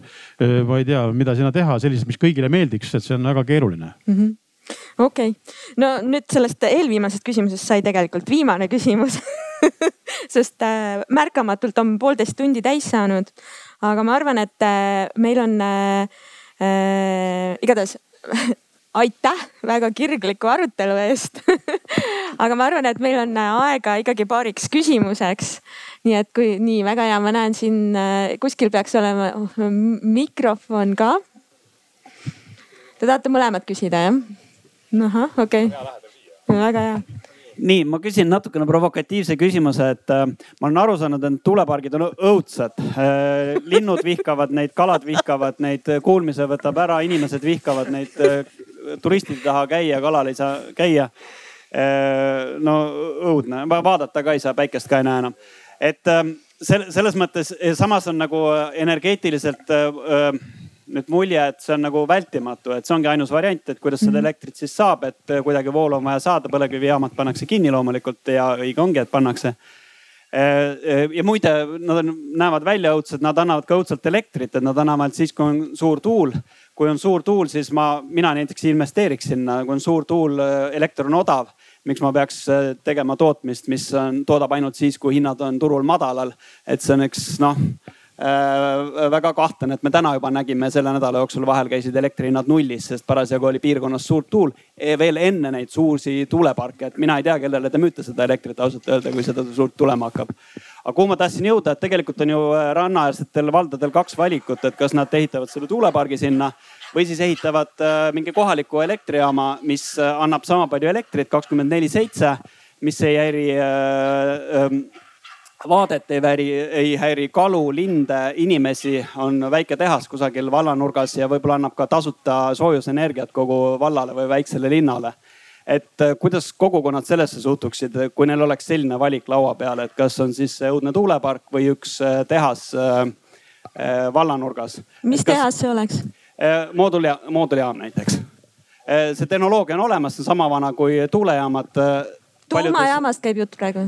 paljudes asjades on ta ohutum kui see tuulepark. et kas selline valik oleks laua peal? tuumajaamast käib praegu jutt? näiteks tuumajaam mm, -hmm. moodultuumajaam mm. -hmm. nii küsimus kogukondadele jah? no võib-olla ma nii palju vastaksin, et ilmselgelt on mõte väga õige näiteks miks peaks siis, äh, kui praegu juba maatuulepargid katavad äh, ka, mis on siin olemas juba, mis kohe tulevad, katavad niikuinii ära juba Eesti energiavajaduse. miks peab siis äh, selle mere täis toppima, et hakata müüma, mille, kellegi teise arvelt hakata nüüd siis kasumit teenima? või siis noh, nendest teradest, mis siin juttu käib, need on ju müstilised. no veerandi vist katavad praegu maismaa tuuleparkidele. maismaa tuulepargid eelmine aasta tootsid peaaegu kaheksasada gigavatt-tundi, mis on kümme protsenti, alla kümne protsendi. no no veel vähem no igal juhul see, mis tulema hakkab, see on ju kordades rohkem, kui Eestil vaja on. Karel, kuidas sihuke mõte tundub kohapealsest elektrijaamast, mis võiks olla tuumajaam? no vaevalt, et äh, tuumajaama tehtaks ühe valla piires, et äh, kui tuumajaam Eestisse tuleks, siis oleks ikkagi terve Eesti peale, aga ma ei kujuta ette selle, seda on ju ka suured poliitikud ju kuidagi kogu aeg laveerinud küsimustest või vastustest mööda, et et vallavanemana öelda, et kas me teeme Eestisse tuumajaama või mitte, et eh, ilmselt see ei toimi et ükskõik kumma pidi ma vastaks, aga. täna on tegelikult valdade see... tasemel küsimus, et milline vald lubab enda territooriumile, milline mitte, et ja selles Ar mõttes nad ei ole ka väga suured. arvestades, kui tuumajaamas pauk käib, siis ilmselt ei ole vahet, millises Eesti otsas ta on, et see pigem on ikkagi Riigikogu otsustada ja ja täna on Eesti riik läinud, nagu ma aru saan, pigem tuuleenergia poole, nii et, et hetkel ilmselt on siis äh, Toompea poliitikud tuumajaama mõtted äh, niimoodi kõrvale jätnud. Jaanus, kas sa tahad siin repliigi korras midagi öelda? ja kliimaneutraalsuse poole liikudes me kaalume ju kõiki lahendusi, mis on kliimaneutraalsed ja tuumajaama võimaluste noh, kasutuselevõtu võimalusteks Eestis on ju töörühm moodustatud mm, -hmm. et täna otsust ei ole, see tõesti vajab rohkem kui ühe KOV-i või ühe ametniku või isegi ühe ministri või ühe poliitiku otsust, et, et noh, seal on vaja riigil väga suur roll võtta erinevate regulatsioonide ja, ja järelevalve osas, et. no meil oleks eraldi tuumaseadust vaja. noh, see seadus on, on, ütleme kogu selles potis on väiksem osa, et, et, et aga, aga ikkagi ka arendajad räägivad, et see tuleks kaks tuhat kolmkümmend viis kõige varem, et, et noh, täna on kahetsusvaba on igal juhul nende tuuleparkidega tegeleda, kas see tuumajaam tuleb või ei tule, et, et kui ta väike moodulreaktor ka tuleb, siis ta mahub ju süsteemi ära, et mm. -hmm. aga jah, võib-olla repliigi korras ikka öelda, et, et me oleme väga kaugel sellest, et me tuuleelektrijaamadega või üldse oma tootmisega enda elektriarvamisi ära kataks arve,, arvestamata veel tulevat elektriarvamise kasvu ja võib-olla ka seda vesinikku, mis, mis kõigile paistab meeldivat, et. et ma, ma seda muret veel ei näe, et me siin, et me siin oleks nii suures ülekülluses, et me kõvasti teistele müüks. aga jätkuvalt, et noh, see eksport ei ole ju halb asi, et ilmselt me mingeid muid tooteid ka Eestist ekspordime, et mm -hmm.. okei okay,, väga hea, nii äh, publikust oli veel küsimus. Äh, ma küsiks jah selle äh, no siit on, siit on nagu näha, et, et kogukondadel on suur hirm mm. -hmm. aga noh, nagu äkki prooviks seda nagu siis nagu seda hirmu keerata teistpidi, eks ole, et enamasti hirmu vastu aitab ahnus. et äkki me saaks nagu teha niimoodi, et me paneks kogukonnad omavahel võistlema, et kes saab endale tuule, tuulepargi. et. kellele selle... küsimus suunatud on? No see on ilmselt ministeeriumile nagu, et kas te olete mõelnud selle peale ja nagu, et ja teistele ka mõtlemiseks, eks ole, et, et meil oleks ilmselt vaja sellest äh, tuulepargist saadavast äh, tulust rohkem jagada. et noh, ühel hetkel nagu peab sellel kogukondadel nagu piisama ja, ja miks ma seda nagu räägin, sellepärast et mina arvan, et äh, meil on väga hädasti vaja neid tuuleparke mm. -hmm. me, me nagu, et äh, noh, nagu võistlust vaadates võib nagu tunduda, et nagu äh, kliimaga on veel vahva, eks ole. Ja noh, seal Ida-Virus võib ju seda maad ümber kaevata, aga nagu noh, võib-olla võist, sealt võistlust käia korra seal Ida-Virus vaatamas, et kui palju seal juba ümber on kaevatud ja noh, et pool põlevkivist on juba välja võetud, eks ole. et äkki nagu rohkem ei võtaks, et nüüd on nagu aeg teistel ka panustada mm. -hmm. ja siis on nagu küsimus, et, et äkki nüüd teeks siis selle panustamise lihtsamaks, eks noh, maksaks siis selle vaate kadumise ja võib-olla häired äh, kalade liikumises maksaks siis kinni okei okay,, et summad peaks olema suuremad siis. ma, ma vastangi lühidalt, et ma olen ju tegelikult algusest saadik öelnud, et äh, kui nad tõesti peavad tulema, et see peab olema mõistlik lahendus mm. -hmm. et noh, võib-olla me, me ei suuda võidelda nendega, niikaua kui me jaksame, niikaua me võitleme aga kui nad peavad tõesti tulema sinna, siis see peab olema selline lahendus, mis oleks eh, ütleme, lambad terved ja hundid söönud. okei okay,, Jaanus, kui tõenäoline on, et see summa kasvab mitu korda? See on poliitiline summa. otsus, et, et nüüd kuulamegi neid arutelusid, et võib-olla äh, sul, sulle kordaks üle, et, et meil on see eelnõu on olemas, et seda võistlust tekitada nii-öelda. ja tõesti, ega noh, täna on, ongi juba maismaal ongi, et, et kes tahab seda endale saada, seda tuuleparki, et, et see on võistlus, see on võimalus nagu kohalikku arengut toetada, mitte, mitte meeletu talumiskohustus ja sama mina näen sama ka mere puhul, et, et seal on, seal on meeletud võimalused, mis, mis tekitavad sellise alternatiivse tuluallika. Ja ma, ma ikkagi ei saa aru sellest päikseloojangu nagu piiramise mõttest, et võib-olla arendajad nagu teavad paremini, et, et kus see päike siis tõesti kaob sinna tuuleparkide varju ära, et nad on nagu üks no,, ei kao ju. Jutt käib ju visuaalsest reostusest, kuidas no, sa sellest aru ei saa? ei ole ju nii, puud ka kasvavad, ma ei tea. Meres ei kasva. meres ei kasva tõesti, sul on õigus nii kui ta teab. ma, ma selle visuaalse reostuse kohta ütlen seda, et ikkagi, et vaataja on või see ilu on vaataja silmades, eks ole, et mm, -hmm. et mida me siis nagu näeme, kui me näeme tuulikut, et kas me näeme siis tohutut tehnoloogilist monstrumit ja veel hullemaid sõnu ma olen kuulnud mõnes kohas või me näeme nagu tipptehnoloogilist äh, puhast äh, kliimaneutraalset elektrit tootvat äh, superseadet mm. -hmm. et mina nagu näeks seda viimast, on ju, ja, ja see, seda näitab ka äh, nagu uuringud Euroopast, et, et see on natuke nagu põlvkonna küsimus. et mõned meist peavad siin minuga kaasa arvatud nagu ära minema ja siis tulevad nooremad peale, ütlevad, et mis reostest te räägite, et see ongi normaalne mm. -hmm. et me ei taha nagu seda, seda vana lahendust, me tahamegi neid tuulikuid mm. -hmm. no võtame veel ühe küsimuse auditooriumi hulgast. mul on arendajatele väga konkreetne küsimus, et et äh, mitu töötajat, kui ütleme, kui teil pargid on valmis ja enam-vähem me teame, mis nende võimsus on. mitu töötajat, mis tasemel teil vaja on? No ma ennem, ennem umbes ütlesin, et me täna täpset numbrit ei saa veel öelda, isegi tuulikute arv pole paigas veel lõpuni, eks ole. aga otsene hooldus, hooldusaegne töökohtade arv on umbes, võiks olla sada töökohta Saaremaal. see on otsene, mis on, mis on seotud siis selle, selle hooldusega. sinna kõrvale et selles hoolduses baasis ei tehta kõike ise. sellepärast ongi võib-olla mõttekas olla mitte kuskil küla vahel väikses kohas, vaid näiteks Kuressaares, sest me ei taha kõiki keevitusoskust, värvimisoskust ja kõiki muid oskusi oma majja sisse, vaid ta oleks nii-öelda klastris kohaliku muu majandusega. alltöövõtu korras siis jah? ma saan aru, et küsimus oli vist arendajale endale, et palju, palju, palju sa, palju sinu palga, palgalehele inimesi tuleks? no, no otseselt siis sada vähemalt okei okay.. no admin inimesed ka kõik ju? või neid et, ei ole? no sada nelikümmend kuus äh, täiskohaga ja siis kakskümmend kaheksa on veel suvel. pluss, need kuus praktikanti äh, Pärnust ja kaks äh, Kuressaarest. väga hea, läks oluliselt konkreetsemaks. ma ei, ma ei oska selle küsimuse ausalt vastata, ma, ma, ma, ma ei ole, ma ei ole, ma ei ole selle pilguga nagu vaadanud, et no suurusjärgud vähemalt. jookseb projektid ükskord nii kaugele, et saaks, saaks, saaks nagu nendest aga see, see on hea näide praegu aga... sellest aususest, et tegelikult ju ei tea. ei no aga, aga. paneme mingi numbri maha ja käsib kohaliku. vaata numbrid hakkavad alati. mitu räime sa müüad järgmine aasta? nii üks inimene räägib korraga. numbrid hakkavad alati oma elu elama ja see on tegelikult nende arendusprojektide puhul, kui sa Siiri ennem küsisid, on ju, mina ütlesin, et tuleks rääkida mm. -hmm. tegelikult on selle asja teine pool. nii kui sa ühe numbri välja ütled mm. -hmm sa paned sinna mingisuguse märkuse juurde, tegelikult hakkab see oma elu elama mm. -hmm. täpselt sama asi on näiteks, ma, ma arvan, me ei lähe detaili, aga ma ütlen lihtsalt selle Liivi lahe pargi puhul.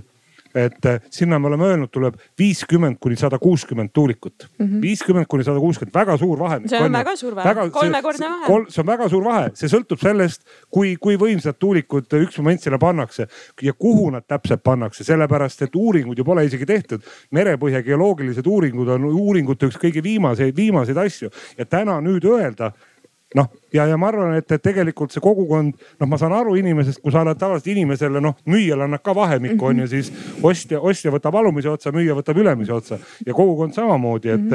et sada kuuskümmend tuulikut tuleb, noh jah, aga vähemalt me oleme ausad olnud, tänases faasis me oleme ausad olnud, et andnud vähemalt selle vahemikugi onju. ja nüüd tuleb siit lihtsalt samm, samm edasi minna mm. -hmm. kas see vastus rahuldas küsijat? esimese, esimese vastaja küsimus, vastus rahuldas, natuke teise vastaja ma ei rahuldanud. sest ma- kui te, kui te teete plaani, sest pro, vaadake, probleem on selles, et kui äh, kõigepealt me peame õppekava panema püsti mm, -hmm. sellega läheb natuke aega, siis me peame see õppekava ära kinnitama, sellega mm -hmm. läheb juba kolm aastat mm -hmm. siis me õpetame inimesed välja ja sellega on läinud äh, viis aastat, nii et tegelikult meil on läinud kaheksa aastat. et kui te praegu ei ütle mulle, palju on õpi, õp, õpilasi vaja mul võtta, siis ma ei saa okei siin, nagu siin me, siin me tööga. nagu rääkisime, ma sain valesti aru, et, et tegelikult meie ärimudel on selline, et, et meil endal ei ole neid tehnikuid et eh, meie palgalehel ei ole tehnikuid, ei ole täna ja saa ka tulevikus olema, et, et eh, selle jaoks on eraldi ettevõtted, kelle käest, kelle käest me neid teenuseid ostame. et ma ütlesin ennem selle numbri välja, et, et see umbes on eh, kakssada, kolmsada inimest, kes on selle, sellega opereerimise ajal juba seotud. See, see, ma sain valesti aru siis. no kolmsada, nelisada vähemalt ma saan sind praegu kokku. pluss on veel maismaa ka ikkagi no ja noh, numbrid järjest kasvavad. okei okay,, aga ma arvan, et see on äh, väga hea koht, kus äh, joon alla tõmmata. palju küsimusi jäi veel õhku, palju äh, vastuseid tuleb veel leida, aga igatahes suur-suur tänu kõigile teile täna siia tulemast ja oma mõtteid panustamast. ja tänud kutsumast. ja aitäh kuulajatele ka. aitäh kuulajatele. Selge see, et